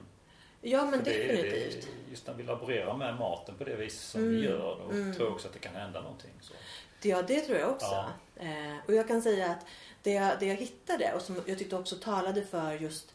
För att jag har ju funderat på varför fick jag en sån positiv effekt av de här, den här, de här tabletterna som jag köpte utomlands mot att jag får inte samma effekt här. Mm. Och en skillnad, jag har ju funderat på, ah, var de lite starkare kanske? De kanske hade en annan liksom, dos. Jag är inte kvar liksom, jag kan inte riktigt kolla det. Um, men de, doseringen på dem var ju tre tabletter per dag. Mm. Och jag hittade faktiskt någon liten eh, eh, eh, någon, någon, studie som refererade till en annan studie. Där man, där man hade konstaterat att man får ett bättre järnupptag om man äter mindre doser flera gånger om dagen. Mm. Men varannan dag. Jaha, okej. Okay. Så det, har, så det har jag börjat nu att mm. jag försöker. Men oftast, de flesta så här vanliga järntabletter som man köper. Mm. Det, det kanske finns liksom andra Eh, om, man, om man skulle få det utskrivet någonting, jag, jag, vet inte. Men om man går till apoteket och köper liksom plocka på sig mm. eh, en packe järntabletter. Då är liksom den normala dosen att det är en tablett per dag. Mm. Och den tabletten är inte riktigt gjord för att dela. Nej. Så att jag får liksom jag, jag är brysk. Köra i måtten. Jag, kör, jag, jag, jag tar en kniv och ja. försöker separera dem. Eh, men, men så jag har ju börjat med att, att eh, ta då en, en, flera små doser under en dag och äta varannan dag. Mm. Eh, sen så tror jag att just med, med de här... Det, det, och jag ska säga att jag äter ju också kött. Eh, en hel del lever och, och mm. Eh, så att jag, jag tror ju att jag kan inte göra så jättemycket mer i kosten. Nej. Just nu har jag ju som jag nämnde innan att jag har tagit en kaffepaus en månad för mm. att se liksom Får det en effekt mm. eh, på det? Mm. mm. Men jag, jag, tänker mig, och jag tänker att det är inte bara järn. Järn tror jag är en sån sak som är väldigt uppenbar. Eh, och framförallt att det är så specifikt för kvinnor. Mm. Och det är ju liksom halva befolkningen mm. som, som går runt. Och jag kan ibland tycka det, man ser människor, att de är väldigt bleka. Mm. Så att man känner att, och kanske också ser hängiga ut. Liksom. Mm. Och där man tänker att det är, hur är det med järnet? Mm. Och min upplevelse är ju också att när man pratar med kvinnor, andra, om det här så, så, så det, järn är ingenting som man funderar på. Nej. Utan då, eh, jag kan snarare få lite, lite återkoppling då. Att jaha, du gillar att äta järntabletter. Ja, nej, jag gillar att äta magnesium. Eh, men, men att man skulle liksom ta med, så magnesium är lite hett. Eh, Okej, okay, ja. det är ju muskel för musklerna ju. Ja, men järn är också för muskler. Okej. Okay. Ja. ja. Jag, jag är lite så ja. förvånad över just att det, det är Järn har lite låg status skulle jag säga. Eller så vill okay. man inte erkänna att man... Att, jag vet inte vad det är. Nej. Men jag, jag, ja, det är väl en spaning. Det här mm. kommer... Ja, men det tror jag. Ja, jag tycker det här låter som det kan bli något eh, stort av det här ja. i framtiden. Ja, och jag, tänk, jag tänker också just med näring, näring allmänt som du var inne på. Mm. Att eh, när man då gör en, en tonfisk som ska se ut som tonfisk, det är inte tonfisk. Men det ska se ut som det, det ska smaka som det är. Ja. Så får man ju ändå komma ihåg att det är någonting annat i. Mm. Och de, det här företaget sa ju liksom att, eller jag gick in och tittade liksom på deras näringsinnehåll. Och de sa ju liksom att ah, nej, men det är typ 17% protein. Och jag tror att det är tonfisk om man tar en burk tonfisk. För ren tonfisk då är det väl i princip 100 Mm. Eh, men, men om man tar en burk tonfisk, som då är det här ju mer vad det ska se ut som. Då är det kanske 23% eller någonting mm. tonfisk i en sån. Eller protein i en sån. Mm. Men det är ju lite andra saker också. Mm. Det är ju liksom vad är det, fisklever eller mm. fiskleverolja och det är olika vitaminer och mineraler och sånt. Mm. Som liksom inte finns i sojabönor som man använder för, för att liksom processa fram den här Mm. produkten. Och Mm. jag undrar ju också vad som kommer hända liksom Mm. när. Vad får det för effekter att vi går över till, eller om man går över till en ganska stor konsumtion av de här fejkprodukterna? Ja, och där eh, kommer det manliga hormonet in ju. Eh, Mm. Just att vi, vi män, vi ska inte äta för mycket av sojaproteinet. För att det, det försämrar eh, det manliga hormonet, Ja. vad det nu heter, testosteron. Ja, jag har hört Eh, Och det. ökar, Ja. ökar det, det, det kvinnliga eh, hormonet istället. Mm. Ja, jag har hört lite just om soja från lite olika håll. Och Mm. soja är ju någonting som är så tacksamt inom, inom veganvärlden. Ja, att göra liksom, så man har det ju från tofu Mm. eh, och du har det, alltså det, det är ganska många av de här, de här just de här fejkprodukterna som Mm. man gärna använder soja och du har sojamjölk och sådär. Just. Ehm, och jag, nej, jag tycker nog... Jag tänker, och jag tycker inte man behöver lägga en värdering i det, men jag tänker att det kan visa sig Mm. att det får lite andra konsekvenser. Mm. Och just det här när man pratar om ur ett hälsoperspektiv. ehm, så är jag, jag, jag är mer så frågande liksom. Hur hamnade vi i det här läget när man verkligen ser det som att kött är dåligt, Mm. Veganskt är bra Mm. för hälsan. Mm. Jag vet inte, vart, nej, jag vet inte hur det... Nej, det har varit en pågående process under många år tror jag. Ja, men det har ju gasat liksom. Ja, det har det. det. Det har det. ja. Om vi har manat till fler att lyssna mer på känslorna och liksom eh, inte ska döda av den orsaken. ja. Jag tänkte på det Plågsamma, som... plågsamma djurförsök och allt vad det nu är för någonting. Ja. Så det kan ju komma därifrån också. Eller har haft hjälp utav det i alla fall. Ja, det... Men sen är det också som företagen hakar ju på de här trenderna också. Vare sig de är sanna eller inte. Mm. Eh, Och då blir det ju så att säga en vad ska man säga, kvasisanning utav det. Mm. Men när, när McDonalds eh, har någon veganburgare, ja, det, då blir det ju någon slags sanning. Ja, menar, man titta på dem. det. Ja, det blir liksom en förstärkning utav det. För att de kan sälja det. Mm. Inte för att det är sant utan vi kan sälja mer om vi gör så här. Ja. ja, och jag tänker mig att det kan ju vara liksom både från företaget, alltså man ser ett behov och man, man, man, man tycker också att nej men det här är, åh, det är mer hälsosamt. Vi, vi slår liksom flera flugor i en smäll. Mm. Veganska flugor då. Mm. Ja, exakt. Och det är vi också inne på, att är insekter ju. Det görs, Ja! ju, det görs ju lite experiment där ju. Ja, ja. Ja, Jag är lite fascinerad Mm. över... ehm, ja. Det har man ju i och för sig gjort i Asien och ganska länge, antar jag i alla fall. ja, ja, det Så, är absolut med... Friterade syrsor och så. Ja. ja, men jag menar vi pratar ju väldigt mycket om de, just den här processade maten. Mm. Alltså där man så här, vi tar de här insekterna och så mal vi dem och så Ja. gör vi pannkakor. Ja, Så, ja, jag vet det inte. vänder sig lite grann i magen på mig när jag hör det. Ja. Men jag, nej, så det ska jag säga att när jag var, när jag var veggis och jag lägger liksom verkligen ingen åsikt i liksom hur andra människor är. Men när jag var veggis så ville jag ju bort från den här köttkonsistensen för det var den jag inte gillade. Mm. Så jag ville ju inte ha någonting som liknade kött. Nej. Jag ville ju vara väldigt tydligt liksom. Mm. Annorlunda. Mm. Men det jag också kan tycka är lite synd är ju att det finns ju väldigt god vegetarisk mat som liksom inte, det behöver inte likna liksom. Och de pratade lite om det just i den här ekonomipodden. Så här, varför gör man det här fuskköttet liksom? Eller Mm, mm. grejerna. Och då pratar de lite just om att men vi är ju präglade på det här. Mm. Mm.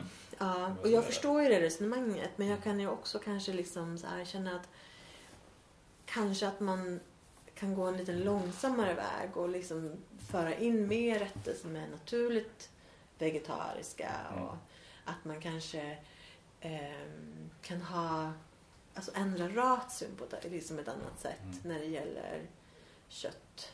Och eh, men fundera lite över det. Och Mm. också tror jag så här, reflektera över hur man mår. Mm. Eh, och om man faktiskt känner sig trött så kanske det inte hjälper att bara gå på de här hjärntillskotten. Nej. Se ett helhetsgrepp på sig själv helt enkelt. Ja. Ja, och jag tror att det är... Men jag tror att problemet är som du säger, just att det har blivit så emotionellt. Ja. Och det är både liksom att vi ska rädda djuren Mm. och att vi ska rädda planeten Ja, genom att vara veganer. Precis. Men att det kanske finns en risk att det då går ut över den egna hälsan. Mm. Och där är det ju så här. Det tror jag nästan att det är många som tycker att min hälsa är inte värd Mm. att ställa sig över klimatet och eh, planeten. Det kan det vara så. Och, och djuren. Det kan det vara så. Så det, ja. Jag tror att vi kommer kunna se, Mm. se effekter där. Ja. Det var punkt två. Ja, Ja. får jag bara göra en liten rättelse. Det var Ja. lite, lite prestige här för mig då, för jag sa nämligen fel. När vi pratade om blödning så sa jag viss summa. Det ska vara en hundradel ska det vara. Ja, ja. Du ser, Aj. ingenjören här satt inte ens och rättade. Nej precis, jag tänkte nej det där kan jag inte släppa igenom. Nej, men det är bra. Ja, Yes. ja okej, men då har vi ju liksom eh, Så, ja men precis, och inte äta kött. inte äta kött. Ja. Då kommer det tredje budordet Ja. då. Eh, jag tror det är de här två första som man kanske har mycket att säga om. Ja, vi, vi, vi får se. Ja. Så det tredje budordet är då du ska icke slänga skräp. Och med skräp menar vi då, Ja, och då är det lite som att så här, ditt skräp är någon annans skatt. ja men precis. Så det Och det har är vi varit inne lite grann på här med Ah. panten och hela den biten. Ja, va? ja. ja, men precis. Och dels också att man inte ska slänga i sopor utan man ska återvinna och... Nej, för det är ju liksom en resurs som, som eh, vi har och där kan jag ju då tycka att men där ska väl jag få betalt egentligen när jag slänger mitt så kallade skräp, vilket Ja. är en resurs egentligen. Ja, Ja. Ja, ja nej, det finns ju en sån. Ehm. Mm. Mm. Och där tänkte jag som, som lite intressant. Eh, jag såg på nyheterna häromdagen. Då pratade de om matsvinn. Apropå mat igen Mm, då. mm. Men där de sa att, eh, för, för det här är ju en intressant, om man, då, om man pratar då om vad man säger är, påverkar eh, koldioxidutsläppet så Mm. säger man ju att jordbruket, och typ, eller om det är mat generellt, står för 25% av utsläppet. Ehm, och samtidigt så sa man ju då att vi har så stort matsvinn i världen så att om man samlade allt matsvinn i sop eh, dumpsters, alltså som, eh, vad heter det? Eh, sop... Ja, Silos. Eh, Nej, utan Nej. eh, sopbilar.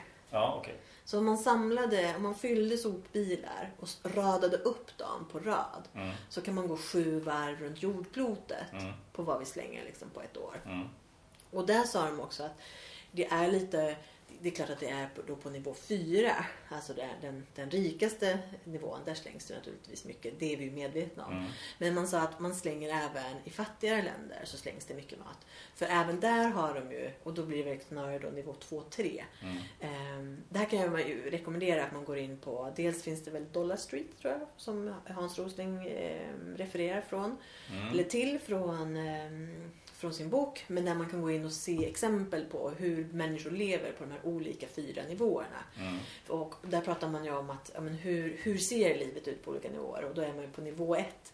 Då är ju typiskt att man kanske äter samma typ av gröt varje måltid. Liksom. Mm. Medan på nivå tre, där börjar det liksom bli lite mer eh, variation. Ja. Men det de sa då var ju att, att även liksom i fattigare länder, om du har en grönsaksmarknad så kan inte du, du kan inte ha de här lite fula skrumpna bladen på kålhuvudet. För då kommer inte folk vilja ha det kålhuvudet. Därför Mm. så river man bort det och kastar det. Mm. Så det är mycket sånt som, som, eh, som går. Ja. Och där kommer det en liten sån fråga, skulle jag säga. Om du går och handlar frukt Mm. och det är ett äpple som har en ful bit. Mm. Kommer du välja ett annat äpple då? Det gör jag nog. Ja. Det, det sker nog spontant. Men finns det bara det äpplet så kanske jag tar den då. Ja, men oftast finns det ju fler. Ja. Mm. För jag tycker ju att det är lite spännande i allmänhet. Mm. Eh, ehm, det finns ju liksom, det, det är ju ganska ofta man kommer liksom fram och det är på fruktavdelningen så finns det liksom någon men även, eh, som, då finns det naturligtvis lite olika skador. Men även när man kommer till så här mejeri så kan det ju vara ett, ett paket som eh, eh, har fått en buckla eller det Ja, är kort det. Datum det. eller någonting. Min bild är ju att när folk köper någonting som har ett lite kortare datum, det har inte gått ut, Mm. men det är så här, åh den här liter mjölken den går ut imorgon. Mm. Då ska jag ha den till rabatterat pris. Mm. Det spelar ingen roll att vi kommer förbruka en liter mjölk de närmaste dagarna. Och det spelar ingen roll att det är bäst före, den kommer att vara lika bra om tre dagar. Ja. Det har ingen betydelse. För nu nu gör jag en uppoffring. Mm. Då ska jag ha den billigare. Mm. Och får man inte billigare då tar man en. En annan En annan. längre datum. Ja. Ja. Ehm, och samma med bröd till exempel. Man rotar fram det som har liksom färskast och sådär. Mm. Mm. Och där tänker jag ju en sån sak som att man som en liten utmaning liksom. Att man faktiskt tänker att jag tar en för laget. Mm. Eh, det här äpplet kan jag ta. Jag skär bara bort den här lilla biten. Eh, och jag behöver inte ha den billigare. Bara, det, den uppoffringen är inte så himla stor. Nej. Att jag tar den här burken som har en liten, litet, en liten klämning. Ja, det, det- det kommer inte spela någon roll. Mm. Jag kan ta den här mjölkliten som har fått en, liksom, ena hörnet ögat upp eller vad Mm, det nu kan mm. vara. Jag behöver inte ha det billigare. Nej. För det är ju också ett sätt liksom, att minska matsvinnet. Det Mm. pratar man ju inte så mycket om skulle jag säga. Nej, där, där Lidl har ju gjort någonting som jag tycker är lite vettigt. Mhm. Man, man har lite såna små papperskassar där man lägger olika saker, olika grönsaker som man inte har blivit av med. Då. Ja, Eh, bröd och, och, och sådär. Nu har inte jag tittat så jättedjupt i det om det finns skador på, Mm. på eh, frukt och grönsaker och sådär. Men jag tycker det är rätt smart. För då säljer de det bara för en billig penning, 20 spänn för, en, för ganska mycket egentligen. mm, ja de säljer hela kassen liksom. Ja, ja precis. precis. Så det är inte, det är inte styckvis utan man, man säger till i kassan att jag Ja. tar en kassa också. Eh, utav de här. Eh, Och det tänker jag är ganska bra. Jag tänker att det är ganska bra att man kommer underfund med vad man kan göra åt det. Mm. Så man inte slänger så mycket. Men det är väldigt sant Ja. med, med burkar och skavanker och sådär. När jag köper mina eh, tomater, krossade tomater, då känner jag alltid på burken så att den är hel. Ja. Det gör jag nog med alla burkar förresten. Ja. Jo, det gör jag. Ja, det gör jag. Jo men det räcker ju att det är en liten skada på kartongen. Mm. Så tar man den inte. Nej. Och folk gör ju sådär. Mm. Och det, det var det de sa i det här inslaget också. Liksom. Mm. Det, man, man, man handlar på det viset. Det är så man beter sig. Ja, Precis. men jag menar där kan man ju också. Det kan ju vara en, en liksom- jag menar där tänker man, tänk att göra det ett par gånger i veckan liksom. Mm. Eh, det är ju en väldigt simpel sätt att göra liksom en liten insats som man inte behöver få en, ett diplom för. Liksom. Mm, mm. Men att bara göra så små, små grejer. På samma sätt som man tycker att det är självklart att jag lämnar mina grejer till återvinning. Men det är också så här, det här är ett sätt som jag kan göra för att minska svinnet. Liksom. Mm, mm. Ja. Ska vi fortsätta? Jag Vi är fortsätter. jättenyfiken på Ja. det här. Det är riktigt roligt. ja, men här kommer då nästa. Och den är lite i samma tema. Men det är ju då att du ska icke köpa nytt. Mm. Eh, Men då är vi ju inne, inne på det här världsekonomiköret där då. Ja, Eller? ja, men det är lite åt det hållet. Ja. Och också skulle jag säga eh, second hand-branschen. Mm. Och jag undrar ju vad får det för konsekvens? Alltså vad, får, vad skapar man för köpbeteende när man har second hand, eh, vad ska man kalla det? Second hand eh, alternativet liksom. Eh, det vill säga, jag tänker mig att vissa personer kommer ju aktivt gå till second hand butiken för att handla Mm. istället för att köpa nytt. Mm. Eh, men jag tänker också att det är en ganska stor grupp människor som köper nytt och plockar ut det gamla och ger till second hand. Mm. Och tänker att eh, man, man kan motivera sitt inköp med att det här går ju inte till spillo för jag har ju lämnat det till second hand. Mm. Eh, och det är ju helt enkelt inte sant. Eh, du Nej. vet ju inte vad som händer med Nej, det vet man inte. Man, Du vet ju inte vad- intentionen finns där. Exakt, intentionen finns där. Men frågan är ju liksom vad blir resultatet av, av, eh, av själva liksom beteendet? Mm. Eh, för att om du, om du skulle få veta, liksom, här, om du skulle få en, en rapport på att okej, alla de här grejerna har du lämnat in. Mm. De här grejerna såldes vidare. Mm. Men de här grejerna fick vi, de fick vi hiva efter två år. Liksom, Mm. För det gick inte att sälja. Mm. Och jag lyssnade på, de rapporterade från Frälsningsarmén eller Myrorna. Eller Mm. om det är samma? Ja, det är samma. Det är samma. Och de sa ju att 10% av det de får in, får in Mm. är rent skräp. Okej. Alltså det är i princip hushållssopor. ja, okej. För att Oj. folk kastar liksom. Ja. Eller så är det så här. Man har slängt ner en massa blöta kläder och sånt som är otvättat och bara Ja, det här. Okej. Och jag tänker mig att det finns också en ganska stor del som är så här. Det är saker som är, det är trasigt liksom. Och, eh, det här är sånt som faktiskt, det ska kastas. Mm. Eh, jag tror ju den här second hand-grejen också kan faktiskt leda till att man inte för, alltså, man, kan inte, man kanske inte förmår sig att se att det här plagget är faktiskt slut. Mm. Eh, det kanske inte gör någonting att jag lägger det till förbränning. Mm. För att det är, jag tror att det är, och det här kommer kanske sticka ögonen lite, eller öronen.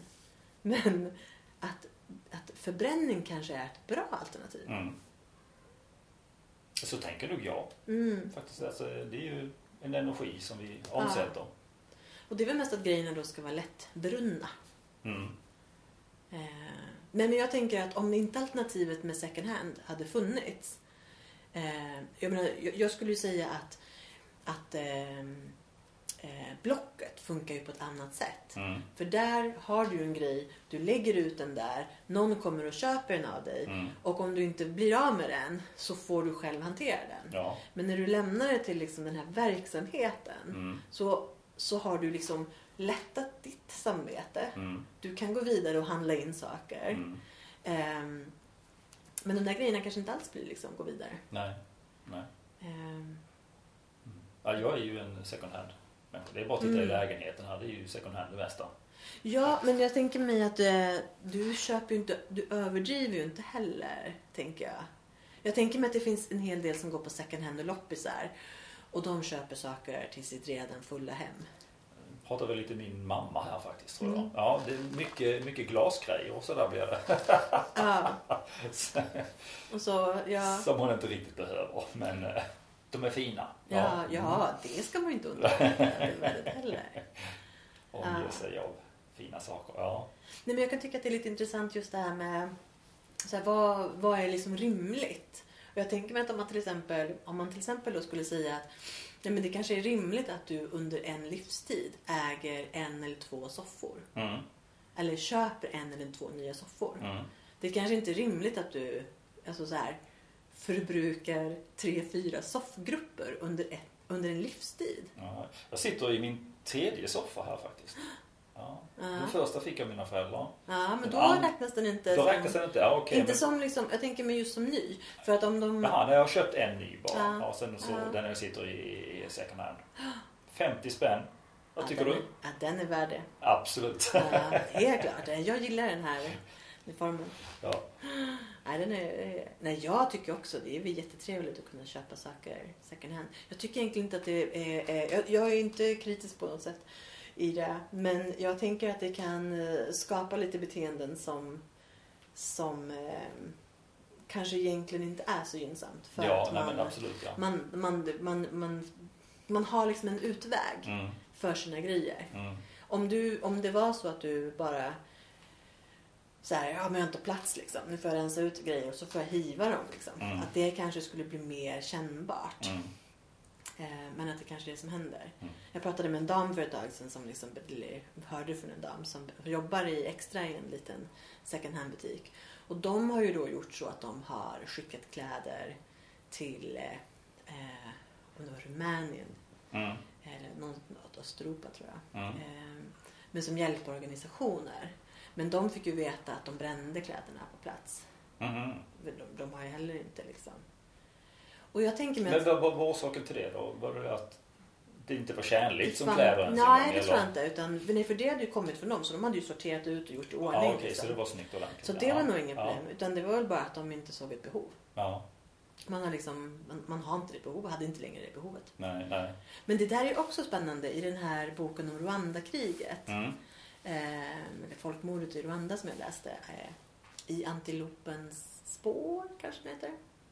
Någonting i jag vet inte alls. Ja, nej, det är, ju- det är en jättebra bok. Ja. Ehm, jag refererar till den ibland när man pratar just om Rwanda. Men där skrev de ibland att just som en, en, liksom, en stickspår, men, men just att eh, eh, de här hjälpsändningarna av kläder Mm. slog ut de lokala skrädderierna. Oh. För att folk fick ju de kläderna gratis. Ja. Eller kanske till och med att man, eh, någon var korrumperad och tog de här kläderna och sen sålde dem till en billigare penning. Ja. Men att man konkurrerade ut de, de traditionella liksom. Ja, Eh, Så det är så här, det är svårt att veta var, alltså man kan ha en god intention. Mm. Men vad blir det av det? Det är inte så himla lätt Nej, att... nej. Nej, vi säger, det är ju svårt att veta de konsekvenserna. Men det är ju förfärligt det blir på det viset. Liksom. Man slår ut Mm. eh, egna företagare där nere på grund av våra, vår godhet så att säga. Ja, och så tycker vi att kanske då att det är ett ypperligt tillfälle att få köpa nytt. Ja. För att eh, Mm. ja, vi har passat på liksom. Mm. Mm. Ja, jag tycker den är lite, den är lite lurig. Mm. Mm. Men det är bara, bara, bara eh, att fundera kring det där. Liksom, vilken, vilka föreställningar är det vi har om Mm. de länder vi skickar eh, hjälp, så kallad hjälp till? Jag menar, det kan ju vara en gammal föreställning. Jag menar Biafra-barnen. Det, Mm. Jag vet inte hur långt det är där nere just Nej. nu. Det pratar För jag att jag har ju indoktrinerats Ja. med den bilden. Det är ju exakt Men det det, kan- som eh, Det kanske är annorlunda. Ja, pratar om det också. kanske är lite annorlunda idag. Det kanske inte behövs Ja, ja. samma hjälp som tidigare. ja, nej, nej, så ser det inte ut. Det tycker jag är lite tankeväckande. Mm. Jag tänker också lite på det här som vi pratade förra veckan, eller förra avsnittet. Vi nämnde lite kort just det här. Ja, men det kan vara bättre att köpa en ny tvättmaskin för att den är mer energisnål eller Mm. kanske vattensnål. Mm. Ehm, och, vi pratade, och jag nämnde då att det, det, det oftast, ofta är det ju inte, oftast är det ju den, den största liksom skulden som, som eh, Alltså när man köper en, en teknisk pryl eller vilken pryl som helst, kläder eller vad det är, så har det, finns det en produktionsskuld. Alltså hur mycket, vad har det liksom kostat miljön att tillverka den här Mm. grejen. Och om du har någonting som fungerar, till exempel en bil eller tvättmaskin eller kläder eller vad det kan vara. Mm. Och så köper du någonting nytt och säger att jo, men den här kommer dra lite mindre bensin eller den kommer dra lite mindre energi. Mm. Så är ju frågan hur länge måste jag köra liksom för att komma ikapp eh, den här skulden Mm. mot om jag hade bara behållit min gamla tvättmaskin Mm. som drog lite mer varje gång. Mm. Alltså när, när, eh, när, när möts de där tidslinjerna? Eh, och det krassa svaret är väl att det kan vara ganska svårt att komma ikapp den skulden. Okej. Och att det, det är mest lönsamt. Men jag menar, sånt där är ju inte självklart. Och det är ju omöjligt för en privatperson att, att veta det. Mm. Det måste man ju, och det är ju snarare information som man behöver ha liksom lite tillgänglig. Ja. Och jag tänker också, jag fick en i julklapp förra året av mina föräldrar en jättetrevlig liten kokbok som då var utgiven via det lite mer otrevliga Postkodlotteriet. Ja. Men, eh, men boken är lite trevlig. Den är då framtagen av ett litet författarteam inklusive då Johan Rockström som ju är Mm. lite klimatprofet. Eh, och eh, Gunhild, Gunhild eh, Stordalen som också är de har ju den här organisationen som heter EAT som där man vill ha en mer hållbar eh, mat. Okej. Ja. Ehm, och i den här boken så har man då allehanda liksom recept. Hela boken heter ju Recept som förändrar, som, som räddar världen. Mm. Eh, och, eller förändrar världen. Eh, det är lite olika recept på gröt och smoothie och lite olika mat och sådär. En trevlig bok. Ja, Mm. Det är ju lite dramatiskt kanske att säga att nu, nu räddar vi världen på det här sättet. Men det är lite blandade husmorstips. Ja, men liksom. lite tips och idéer och sådär behöver man ju alltid, tänker jag. Ja, det, det mesta har man, vet man innan tänker jag. Men det är lite, den, den är trevlig ändå. Ja, okej. Och det är lite så allmänna tips. Ja. Men ett tips som jag reagerar på när jag satt och bläddrade i den där häromdagen är ju då, då sa de att eh, när du har gjort ditt kaffe, häll upp det direkt på en termos för då håller det smaken bättre. Ja. Sant. Mm. Men sen sa de också att eh, skaffa dig en, en resemugg. Och sen så skippar du eh, det här utekaffet. För då minsann sparar du, då blir det ju, sparar du typ 6-7 tusen per år om Mm. du köper kaffe ofta ute på stan. Mm. Och då tänker jag ju så här. Hur många, och det här tycker jag är väldigt relevant nu för tiden så vill man ju innan corona ska jag säga, för efter corona så har man varit lite mer så här skeptisk till att då tar de ju inte ens resemugg. Eh, Eftersom att man ser det som en smittorisk. Mm. Så då har man ju fått gå tillbaks. Eh, Men innan så var det ju verkligen så här att ta med din egen mugg och sen så fyller vi den här. Mm. Och så minskar vi antalet eh, plast, pappersmuggar. Just det. Ja. Men då är ju frågan, hur många pappersmuggar går det på en resemugg? Mm. Och kommer jag kunna använda upp den? Eller blir det mer miljövänligt att använda de här, resemugg- eller de här Mm. pappersmuggarna? Mm. För de är ju, som jag sa förut, de är ju väldigt lätta att bara bränna. Mm. Det får ju en ganska liten konsekvens. Mm. Och de är kanske ganska lätta att tillverka också. Och vi kanske tillverkar de här i Sverige med stor sannolikhet. Mm. Så de kanske inte fraktas så långt heller. Mm. Men om man tar den här aluminiummuggen Mm. Som kräver lite, eller stålmuggen liksom, som kräver lite mer. Mm. Men det tycker jag är en sån, sådana frågor tycker jag är jättespännande. Mm. Hur många går det? Hur många pappersmuggar? På en sån? Det blir nog en del. Ja, och där är det ju sån som väldigt krasst då. Hur länge får man räkna med att en sån här mugg håller? Mm. Hur länge har du en sån? För där tänker jag, eh, det som Vi har en stålmugg eh, och locket är av plast. Ja. Och det första som kommer att gå sönder på den det är ju plastlocket. Ja. Sen har jag eh, den typen av eh, resmuggar också i plast och de tar faktiskt slut eh, inom något år i alla Mm. fall. Till min förvåning egentligen. Men så, plast, plasterna funkar ju ofta så att de Mm. bryts ju, bryts ju ner efter ett tag. Och då, då håller de ju inte. Nej. Ehm, Så ja, det är intressant. Det är det. Ja, och jag menar mycket var ju den diskussionen med när, innan, man, innan man la en väldigt hög skatt på plastkassorna. Mm. Eh, där man faktiskt väldigt krasst hade, där hade ju, vilka det nu var, räknat på det här och kommit fram till att, att eh, du måste använda eller att mm, du måste använda din tygpåse Mm. i typ, alltså det var så vansinnigt många tillfällen eh, för att komma upp i som plastkassen. Mm. Och om man då sa det, om man dessutom använder den här plastkassen som typ soppåse att den har liksom en funktion. Jag tyckte ju kanske snarare, jag brukade ju använda plastkassarna ett antal gånger. Mm. Eh, jag tycker ju oftast inte att de funkar jättebra som soppåsar för det blir så mycket hål i dem. Eh, så att jag inte Jag tycker det funkar ganska bra. Ja, jag för mig har inte det. Nej, Jag har inte tyckt att det har funkat. Det är Nej. så här, jag kanske packar dåligt då, så att det blir massa små hål från den här vassa Det är förpackningen. en liten sport för mig att, liksom att packa rätt och Ah, trycka ihop och eh, slänga rätt saker i och sådär. Så att, Ah. ja. Ja, du ser. Eh, Ja, nej, jag brukade ju då köpa soppåsar men jag återanvänder de här. Jag kunde ju återanvända en plastkasse liksom Mm. i oändlighet. ja. Eh, så att, så det är också lite med just ja, men hur ser beteendet ut. ja. Det kanske är bra att man har fått bort att man liksom bara slentrianmässigt så här, köper påsar liksom. Mm. Eh, och börjar återanvända mer. Mm. Men, men, men den här tygpåsen kanske inte var ett så bra alternativ. Nej. Just nu så väntar jag bara på att något parti ska säga att om ni röstar på oss till nästa val så tar vi bort påsskatten. Ja. Får se om det händer. Ja. Ja. Jag, jag förväntar mig nästan det. Gör du det? Ja, det gör jag. I och med att det har varit så eh, utskälld skatt. Jag tänker mig bara att det kommer ju inte in några pengar via det. För folk har ju slutat att köpa de här påsarna. Ja, Så det kommer men typ det inte in några pengar. en eh, skatt. Ja, ja, absolut. Vi får väl se. Vi får väl se. Ja. Ja, det jag, min, min erfarenhet är väl att när någonting har kommit in så är det väldigt svårt att ta bort det. Ja, ja, Okej, nu kommer då eh, det femte budordet. ja. Du ska icke köra bil. Om det inte är en elbil. Ja, precis. Jag läste faktiskt precis på vägen hit att eh, i norra Djurgårdsstaden som de håller på och anlägger och jobbar med, eh, med en stadsdel här i Stockholm som är ganska Okej. ny.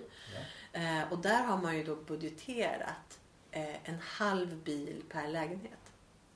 Så att man har inte, man har ju inte parkeringar i Nej. området. Man bygger inte parkeringar, Okej. eh, bilparkeringar. Utan eh, förväntningen är att när folk flyttar dit så ska de ska inte ha bil.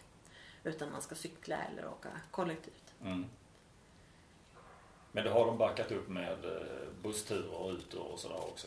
Ja, det tror jag inte de har gjort. Jag hade en kompis som bodde där för några år sedan. Nu är det ganska många år sedan. Men han sa ju att det var ett, det var liksom ett gigantiskt bekymmer. Ja, ja, ja. För att, för att eh, det gick inte att komma med liksom, de Jaha. turerna som fanns. Nej. Det har väl förhoppningsvis blivit bättre då. Ja, ja. Men eh, det var ju Mm. ja, ett klart problem. Ja, ja, vi får se. Jag tycker att det händer. Det är ju mycket på, på bilfronten. Mm. Med, Det det.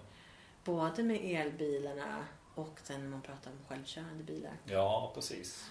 precis. Ja, det senaste jag la märke till var någon ny Audi som var eldriven. Så nu börjar Tesla få lite eh, konkurrens. Ja. Ja, det där är också spännande. Och just det man pratade om innan då, att man köper nytt liksom. Mm. Ehm, att man då kanske skrotar ut en ganska många bilar som hade fungerat bra i tio år till. Mm. Men att man går över till en, till en elbil liksom, Mm. för att man gör av, av miljöskäl. Mm. Men, men elbilen i sig är ju, som sagt, man, den kommer med en miljöskuld. Mm. Och det tar ju tid att köra Ja, det, det där gillar jag ju att lyssna på Björn Gillberg som jag har Mm. pratat om tidigare. det. Värmlands etanol heter eh, kanalen på Youtube. Titta gärna på den. Det, det tycker jag. Han är en riktig miljömupp. Mm.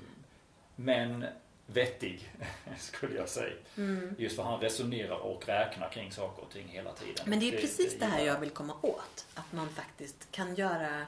Vi pratade ju om det i ett avsnitt. Det tror jag var liksom ett av de första pantavsnitten.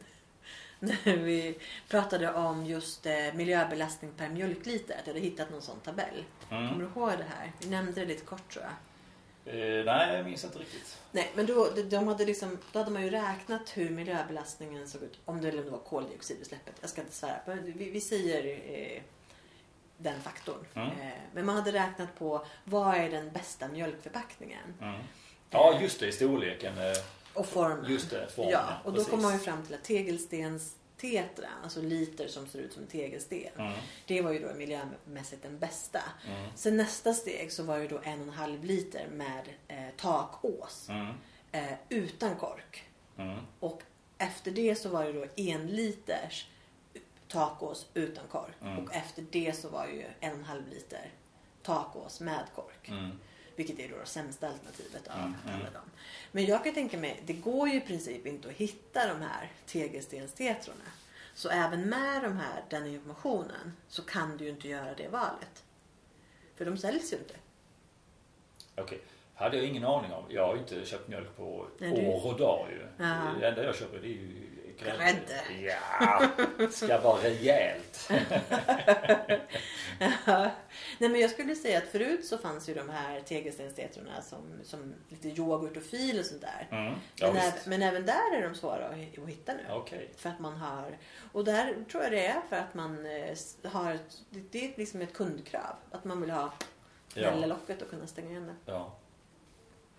Och på grund av det så slösar vi lite mer Mm. Mm. resurser. Ja. Mm. ja, och sådana saker tycker jag ju vore intressant att faktiskt kanske lyfta och se om vi, Absolut. vi backar dem. Liksom. Ja, Mhm. intressant. Yes. Mm. Sen kommer då det sjätte bu- budordet. Mm. Du ska icke använda plast. Och där har vi varit inne lite. Ja, Eh, men plastbanta är ju lite av ett begrepp för många. Ja, det kanske är det. Att man Ja. inte ska, man, många plastbantar för, att, eh, eh, för sina bebisar. Där Ja. man anser att eh, nej men plasterna är så giftiga så att vi Mm. måste få bort dem från... Mm. från Jag tänker faktiskt på det när jag har liksom gjort mina matlådor så. Nu, har jag, nu håller jag på Ja. att liksom experimentera om. Så nu har jag köpt en sån här mattermos. Så att jag Mhm. har maten varm i den Ja, termosen för det är ju direkt. väldigt bra som du jobbar. Ja, jag För det är kanske inte så lätt att... Nej, jag, Mikra. alltså det, det, ofta, det, det finns ju mikro och, det, och så men jag blir liksom inte beroende av att behöva ha det. Och skulle Mm. det liksom ja, ja, be- behöva så kan jag sitta i bilen och käka till exempel. Ja. Eh, Så att det tycker jag är väldigt bra på det viset. Men jag har liksom tänkt på liksom hur, om, om det är farligt liksom att lägga mikrade i ugnen med plast och om den. Avger någonting och sådär. Så det har jag tänkt på. Och för några år sedan så köpte jag lite glas eh, liksom för att eh, inte använda mig av plast. Nu har jag gått ut tillbaks i plasten av ohejdad vana tror jag. Ja, och jag tror det där, är ju, det där är ju spännande också. För det är ju en sån, som, en sån sak som då blir miljömässigt. För plasten är ju liksom är ju miljösnällare än glaset. Mm, ja, det kanske jag. Eh, man pratar till exempel om att om du ska köpa förpackningar så är det ju typ glas och aluminium är lite de du ska försöka välja bort. Mm, För att de är mer, större miljöpåverkan. mm, Då har man då sån här lite grejer hemma. Men däremot så kan man ju tänka sig att, att eh, ja, som du säger, att det, dels så, så blir ju plastlådan väldigt ful om man mikrar den med Ofta, Ja. Många gånger tappar den i formen och den Ja. blir liksom färgad av maten och sådär. Så att det är ju inte... Oljan blev väldigt het så att den smälter ju nästan Ja, plasten. ja nej, det, blir inte, det blir inte bra liksom. Så, att, så att jag, jag mikrar inte, jag brukar inte mikra dem. Jag är inte jätteorolig för att det skulle liksom komma över någonting. Nej. Eh, men jag brukar inte mikra med utan jag brukar hälla upp det på en tallrik. Mm. Och jag kan tycka att om man, om man till exempel vill äta ur sin matlåda så kan man ju tycka att det är trevligare med en glas.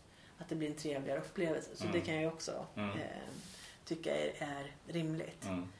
Men, eh, men däremot så är det ju som sagt, det beror på hur man, vad har man för, hur, vad har man för hantering liksom. Mm.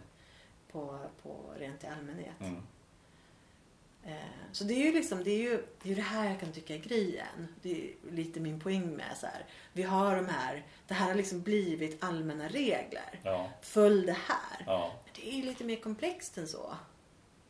När man, om man gräver lite i det. Det är inte alltid att det är självklart. Nej. Mm, nej. Plast tycker jag ju lite krasst är en ganska bra produkt. Det finns ju överallt. Ja. För jag har funderat på det där just med, med plastbantning och så. Det är ju grymt svårt att komma ifrån det. Jag menar, allt, alla produkter vi köper eh, har ju plast omkring sig. Ah, ja, det är ju någonting som också gör just det med är matsvinnet. Ja, precis. Brödet. Ja, you name it. Mm. Ja, men det är ju svårt att hitta en fuktbarriär Ja, det är eh, det. förutom plast. Mm. Och som sagt, mycket plast är ju också... Sen är det ju vad, vad, vad gör man för plast? Hur kan man förbättra den? Mm. Mm. där, där är det väl snarare vad man kan hitta för välja bättre plaster. Det var ju också det man pratade om med de här plastpåsarna. Att där har man valt ganska bra plaster till dem Mm. miljömässigt. Mm. Så att de har en ganska liten miljöpåverkan. Mm. Och det ja, vi kanske inte så mycket gaser och giftiga grejer när man bränner dem. Men om man däremot eh, köper de billigaste soppåsarna liksom från någonstans ifrån så kanske det inte är samma kvalitet. Nej, det är sant. Det kan ju faktiskt vara andra plaster i det ju. Mm. Jag tänker lite grann på de här plastpåsarna som man plockade frukt i. Jag vet Ja. inte om de ens existerar för jag har inte använt det på... Eller Jo, alltså själva plastpåsarna Ja, mm. har, har jag hemma men som jag använder och återanvänder till saker och ting. Sådär. Mm. Jag liksom, och då, då ser jag i affären att då har de bytt ut det till papperspåsar. Papperspåsar. Men jag undrar liksom miljömässigt Ja, jag så känns det ju som att det skulle vara ungefär equal. Fast papperspåsarna går ju inte att återanvända så hemskt många gånger tänker jag. Nu har inte jag testat det alls så det vet jag inte. Nej, jag tycker att det där är lite roligt för att som jag har ju jobbat i butik Ja. och jag tänker mig ju liksom att de, här, de där små plastpåsarna Mm. de fyller ju ingen funktion för kunden. Nej precis, De fyller, bara, ja, de fyller bara funktion för kassörskan. Ja. Om man sitter i kassan liksom. Mm. En person som går och handlar kan ju lika gärna ta en påse, ta med sig en tygpåse. Mm. Bara plocka liksom. Ja, jag vill ha fyra potatisar, jag vill ha två apelsiner, liksom, jag vill ha de här. Mm. Lägg alltihop i samma påse och så går man fram. Mm. Det är ju för kassörskans skull. Det är Ja. för butikens skull. Det är liksom deras. Så att, att man då att man köper de där. Det, för mig är det liksom är det lite det blir lite märkligt att man som kund ska liksom betala för att man Mm. har en hantering som krävs liksom i butiken. Mm. Vi, gör ju, vi har gjort det när vi handlar. När man handlar på scanning till exempel. Mm. Eh, då kan man ju faktiskt eh, bara, och där, om man inte vill lägga det direkt på vågen så kan man ju ta en papppåse. Och sen kan man ju bara fylla, väga och Mm. sen flytta frukten till, till en egen påse. Så man bara fyller upp sin frukt. Och sen sparar man alla de här de streckkoderna som man får ut. Mm. Eh, så kan man ju lösa det på det viset. Just. Eh, och det har ju funkat väldigt bra. Mm. Inte säkert, vi har inte fått något klagomål på det, men det är inte säkert att det skulle vara... Det blir ju svårare att granska det. Mm. Ehm, Ja, men det får de ta. Ja, det, det är ju en konsekvens Ja, av, liksom, precis. av hur man har gjort det. Ja, precis. Mm. Mm. Sen kommer då budord nummer sju. Du ska icke nyttja annat än grön el. Och där är väl då den frågan som har varit eh, lite i Sverige under vinterhalvåret. Mm. Ska kärnkraft ses som grön el Mm. eller inte? För det jag, jag tycker det är väldigt intressant det här med vad som händer inom elvärlden. Ah, Just att eh, det ska vara förnybart och, helt, och det har vi då haft i form av eh, vattenkraft mm. som numera inte räknas som förnybart. Jaha, Ja, varför gör inte det? det vet jag faktiskt inte. Men Nej. det var någonstans ifrån de har konstaterat det. Och då blir det ju väldigt intressant. Hur kommer vi att se på kärnkraften i framtiden i sådana fall? Mm. För då, om, kan man förändra det, ja då kan man ju förändra allting annat också. Så jag tycker det, det, det kommer att bli väldigt spännande att se eh, Mm. hur man kommer att betrakta kärnkraften i, i framtiden. Mm. Ja, och jag menar nu i Sverige när det faktiskt har blivit... Jag kan ju tycka att sånt... Det, det finns en fördel med att man drar någonting till sin spets. Mm. Och det var väl lite det man gjorde nu i vintras när man då hade stängt kärnkraftverken. Eller stängt en, stängt en reaktor. Mm. Och så blev det lite kallare än vad... Än vad eller det blev lite kallare ett tag. Det blev vinter helt Ja, ja. enkelt. Eh, och då blev det lite elbrist. Precis. Och i Och takt så också. blir det hög, högtryck. Ja. Varvid det är väldigt lugnt så att det går inte vindkraftverk. Nej, nej exakt. Och jag tror att det är lite, lite krasst att det är... Ibland så behöver man bara, det behöver bli tydligt liksom, Ja. vad som händer. Eh, och sen så kan man ju faktiskt, jag menar, jag tycker att det är också, det är, en- det är en del i liksom, hela den här problematiken är ju att människan kan inte leva utan att göra avtryck. Nej. Allt vi gör blir avtryck. För vi, vi behöver kläder. Mm. Eh, vi, vi behöver saker. Vi vill förflytta oss lite snabbare. Mm. Eh, vi äter saker som liksom vi inte skördar själva. Liksom. Mm. Vi, vi kan inte gå tillbaks till att leva som något eget jordbrukande individer. Alltså, det, är inte, det är inte tänkbart. Nej. Och allt vi gör får konsekvenser. Mm. Tar vi el från kärnkraft så får det konsekvenser. Mm. Tar vi el från vindkraft så får det konsekvenser. Mm. Eh, äter vi veganskt så får det konsekvenser. Mm. Både liksom för, för människa och för miljö. Äter vi kött så får det konsekvenser. Mm. Eh, allt får konsekvenser. Eh, och det kan vara ganska svårt att veta exakt vad det blir. Mm. Men det går liksom inte att tro att om man till exempel äter, äter veganskt och tänker att ja, men det här är bra för det skadar inga djur. Mm. Ja, eller så skadar det de djuren som då eh, inte kan leva på de områdena där man producerar med maten. Mm. Allt har liksom, Mm. allt hänger ihop. Mm. sen, sen får man göra så gott ja, man kan. Precis, och det handlar ju då om vilka konsekvenser är det jag kan ta eller kan Ja. vi ta Ja. och vilka kan vi inte ta. Ja. Ja, Jag gillar ju att tänka i det här konsekvenstänkandet. Mm. Det skulle jag vilja... Finns det inte någon modell för det? Jag tycker det borde finnas det. Ja. Jag är intresserad av att veta den modellen i sådana fall. Hur man jobbar med det. Ja, men precis. Ja. För det, det, det känns som att det är speciellt tänkande. Det där. Jag gillar ju att driva saker till, till sin spets också. Ja. Eh, för att veta liksom hur, hur, man, hur jag vill hantera saker och ting. Det finns ju, och det är ju nästan lite, jag vet inte om man skulle säga som att det är lite motsatsen, men inom, inom Lean så, och, eh, och nu får man säga inom Lean eller Toyota-modellen, eller Mm. vad- det är ju ett, det är ett ord, det är ju begrepp för det. Mm. Men inom det tänket så pratar man ibland om fem varför. Så att när någonting har hänt så säger man så här. Eh, Okej, det blev stopp i produktionen. Varför då? Mm. Jo, men det var det här. Jaha, varför blev det? Mm. Eh, ja, men det var på grund av det. Varför? Mm. Så man går liksom, man, det, man ställer man- varför-frågan just fem det, gånger. Men jag tänker att man nästan kan göra mm, samma sak fast då framåt. Ja, Så att okej, men jag vill göra det här. Mm. Okej, men vad händer då? Och då kommer du ju ha liksom ett antal scenarier. Ja, som precis. sker. Och sen får du liksom gå stegare utåt liksom. Mm. Ehm, jag läste en bok för länge sedan som hette Stuff, I'd wish, Stuff I wish I'd known before I started working. Du hör knappt vad du säger ens en gång. Det var så många ord. Ja, det är en lång. Det är en Ja. lång. Men den finns faktiskt att köpa på Bokus. Okej. Och den handlar om? Den handlar alltså om, eh, ehm, det är ju då, ja men precis vad det låter. Att eh, det här önskar jag att jag hade vetat innan jag började jobba. Ja. Så att han tar ju upp, han har en massa olika kapitel. Det är så här, möten, hur ska jag hantera det? Mm. Eh, en dålig chef, vad gör jag? Eh, mail. så han har liksom delat in så här, hur ska jag bemöta det? Vad ska jag ta för, vad ska jag ha för approach? Det låter som en bok jag behöver ha En i liten- min eh, hylla faktiskt. Ja, ja, ja. Eh, det, är en, det är en liten liksom, som en liten handbok som man i princip kan ha i bakfickan. ja.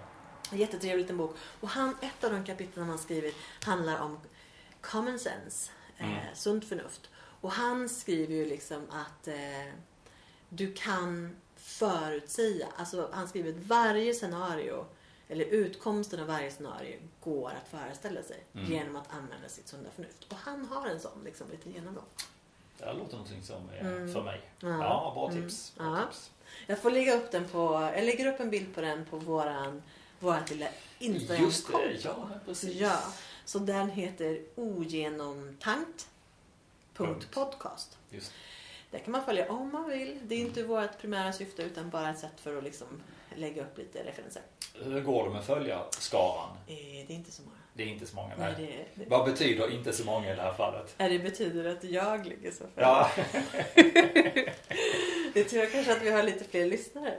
Ja alltså jag, jag, för just varför jag frågar specifikt det var för det var en, en sån händelse i skolan. Det var, det var då administratören, jag tror jag absolut kan säga det här, Eh, och det var en kurs som väldigt, väldigt många av oss inte kommit igång med. Mm. Varvid administratören sa att det är många som har kommit igång med det. Jaha. Varvid vi frågade hur många då? Fyra av 30 och det tyckte administratören var många. Så att det är väldigt relativt det där liksom, ja. hur man vill uttrycka sig och, och så.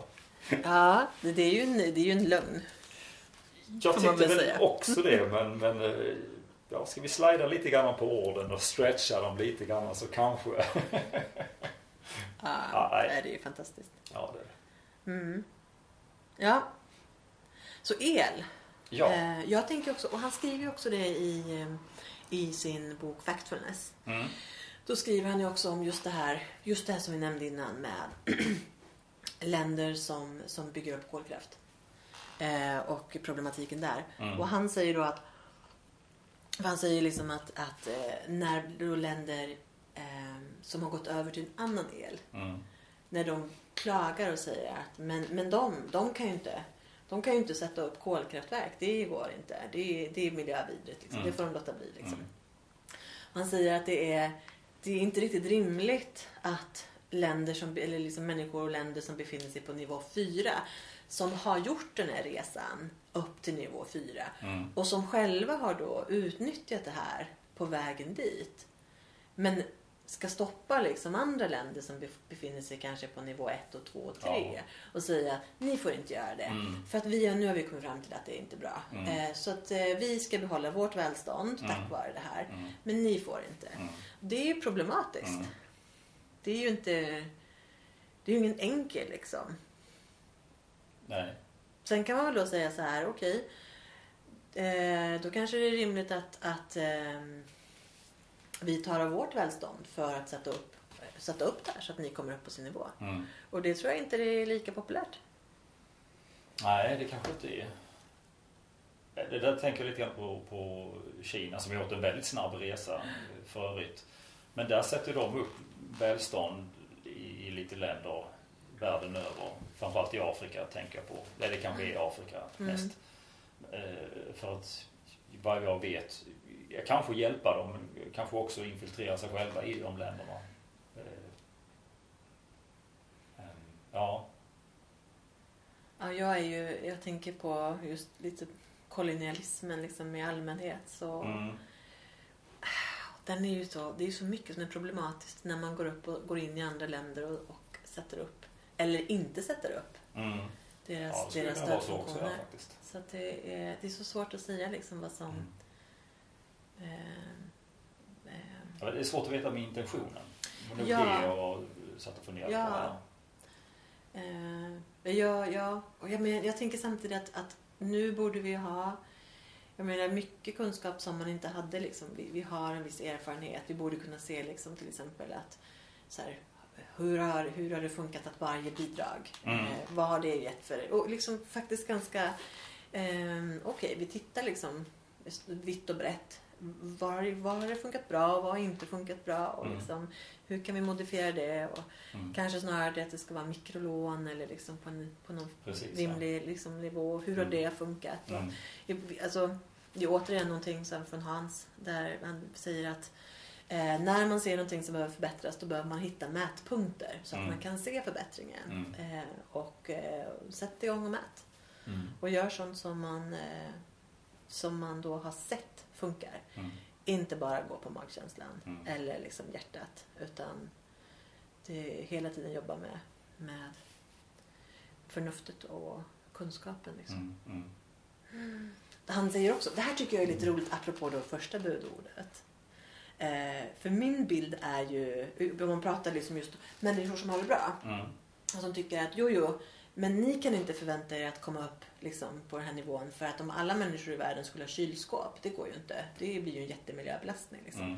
Så vi får ju ha kylskåp, men ni får inte ha kylskåp. Ja, det. Och det, det, det resonemanget, det, det klingar ju lite illa. Ja.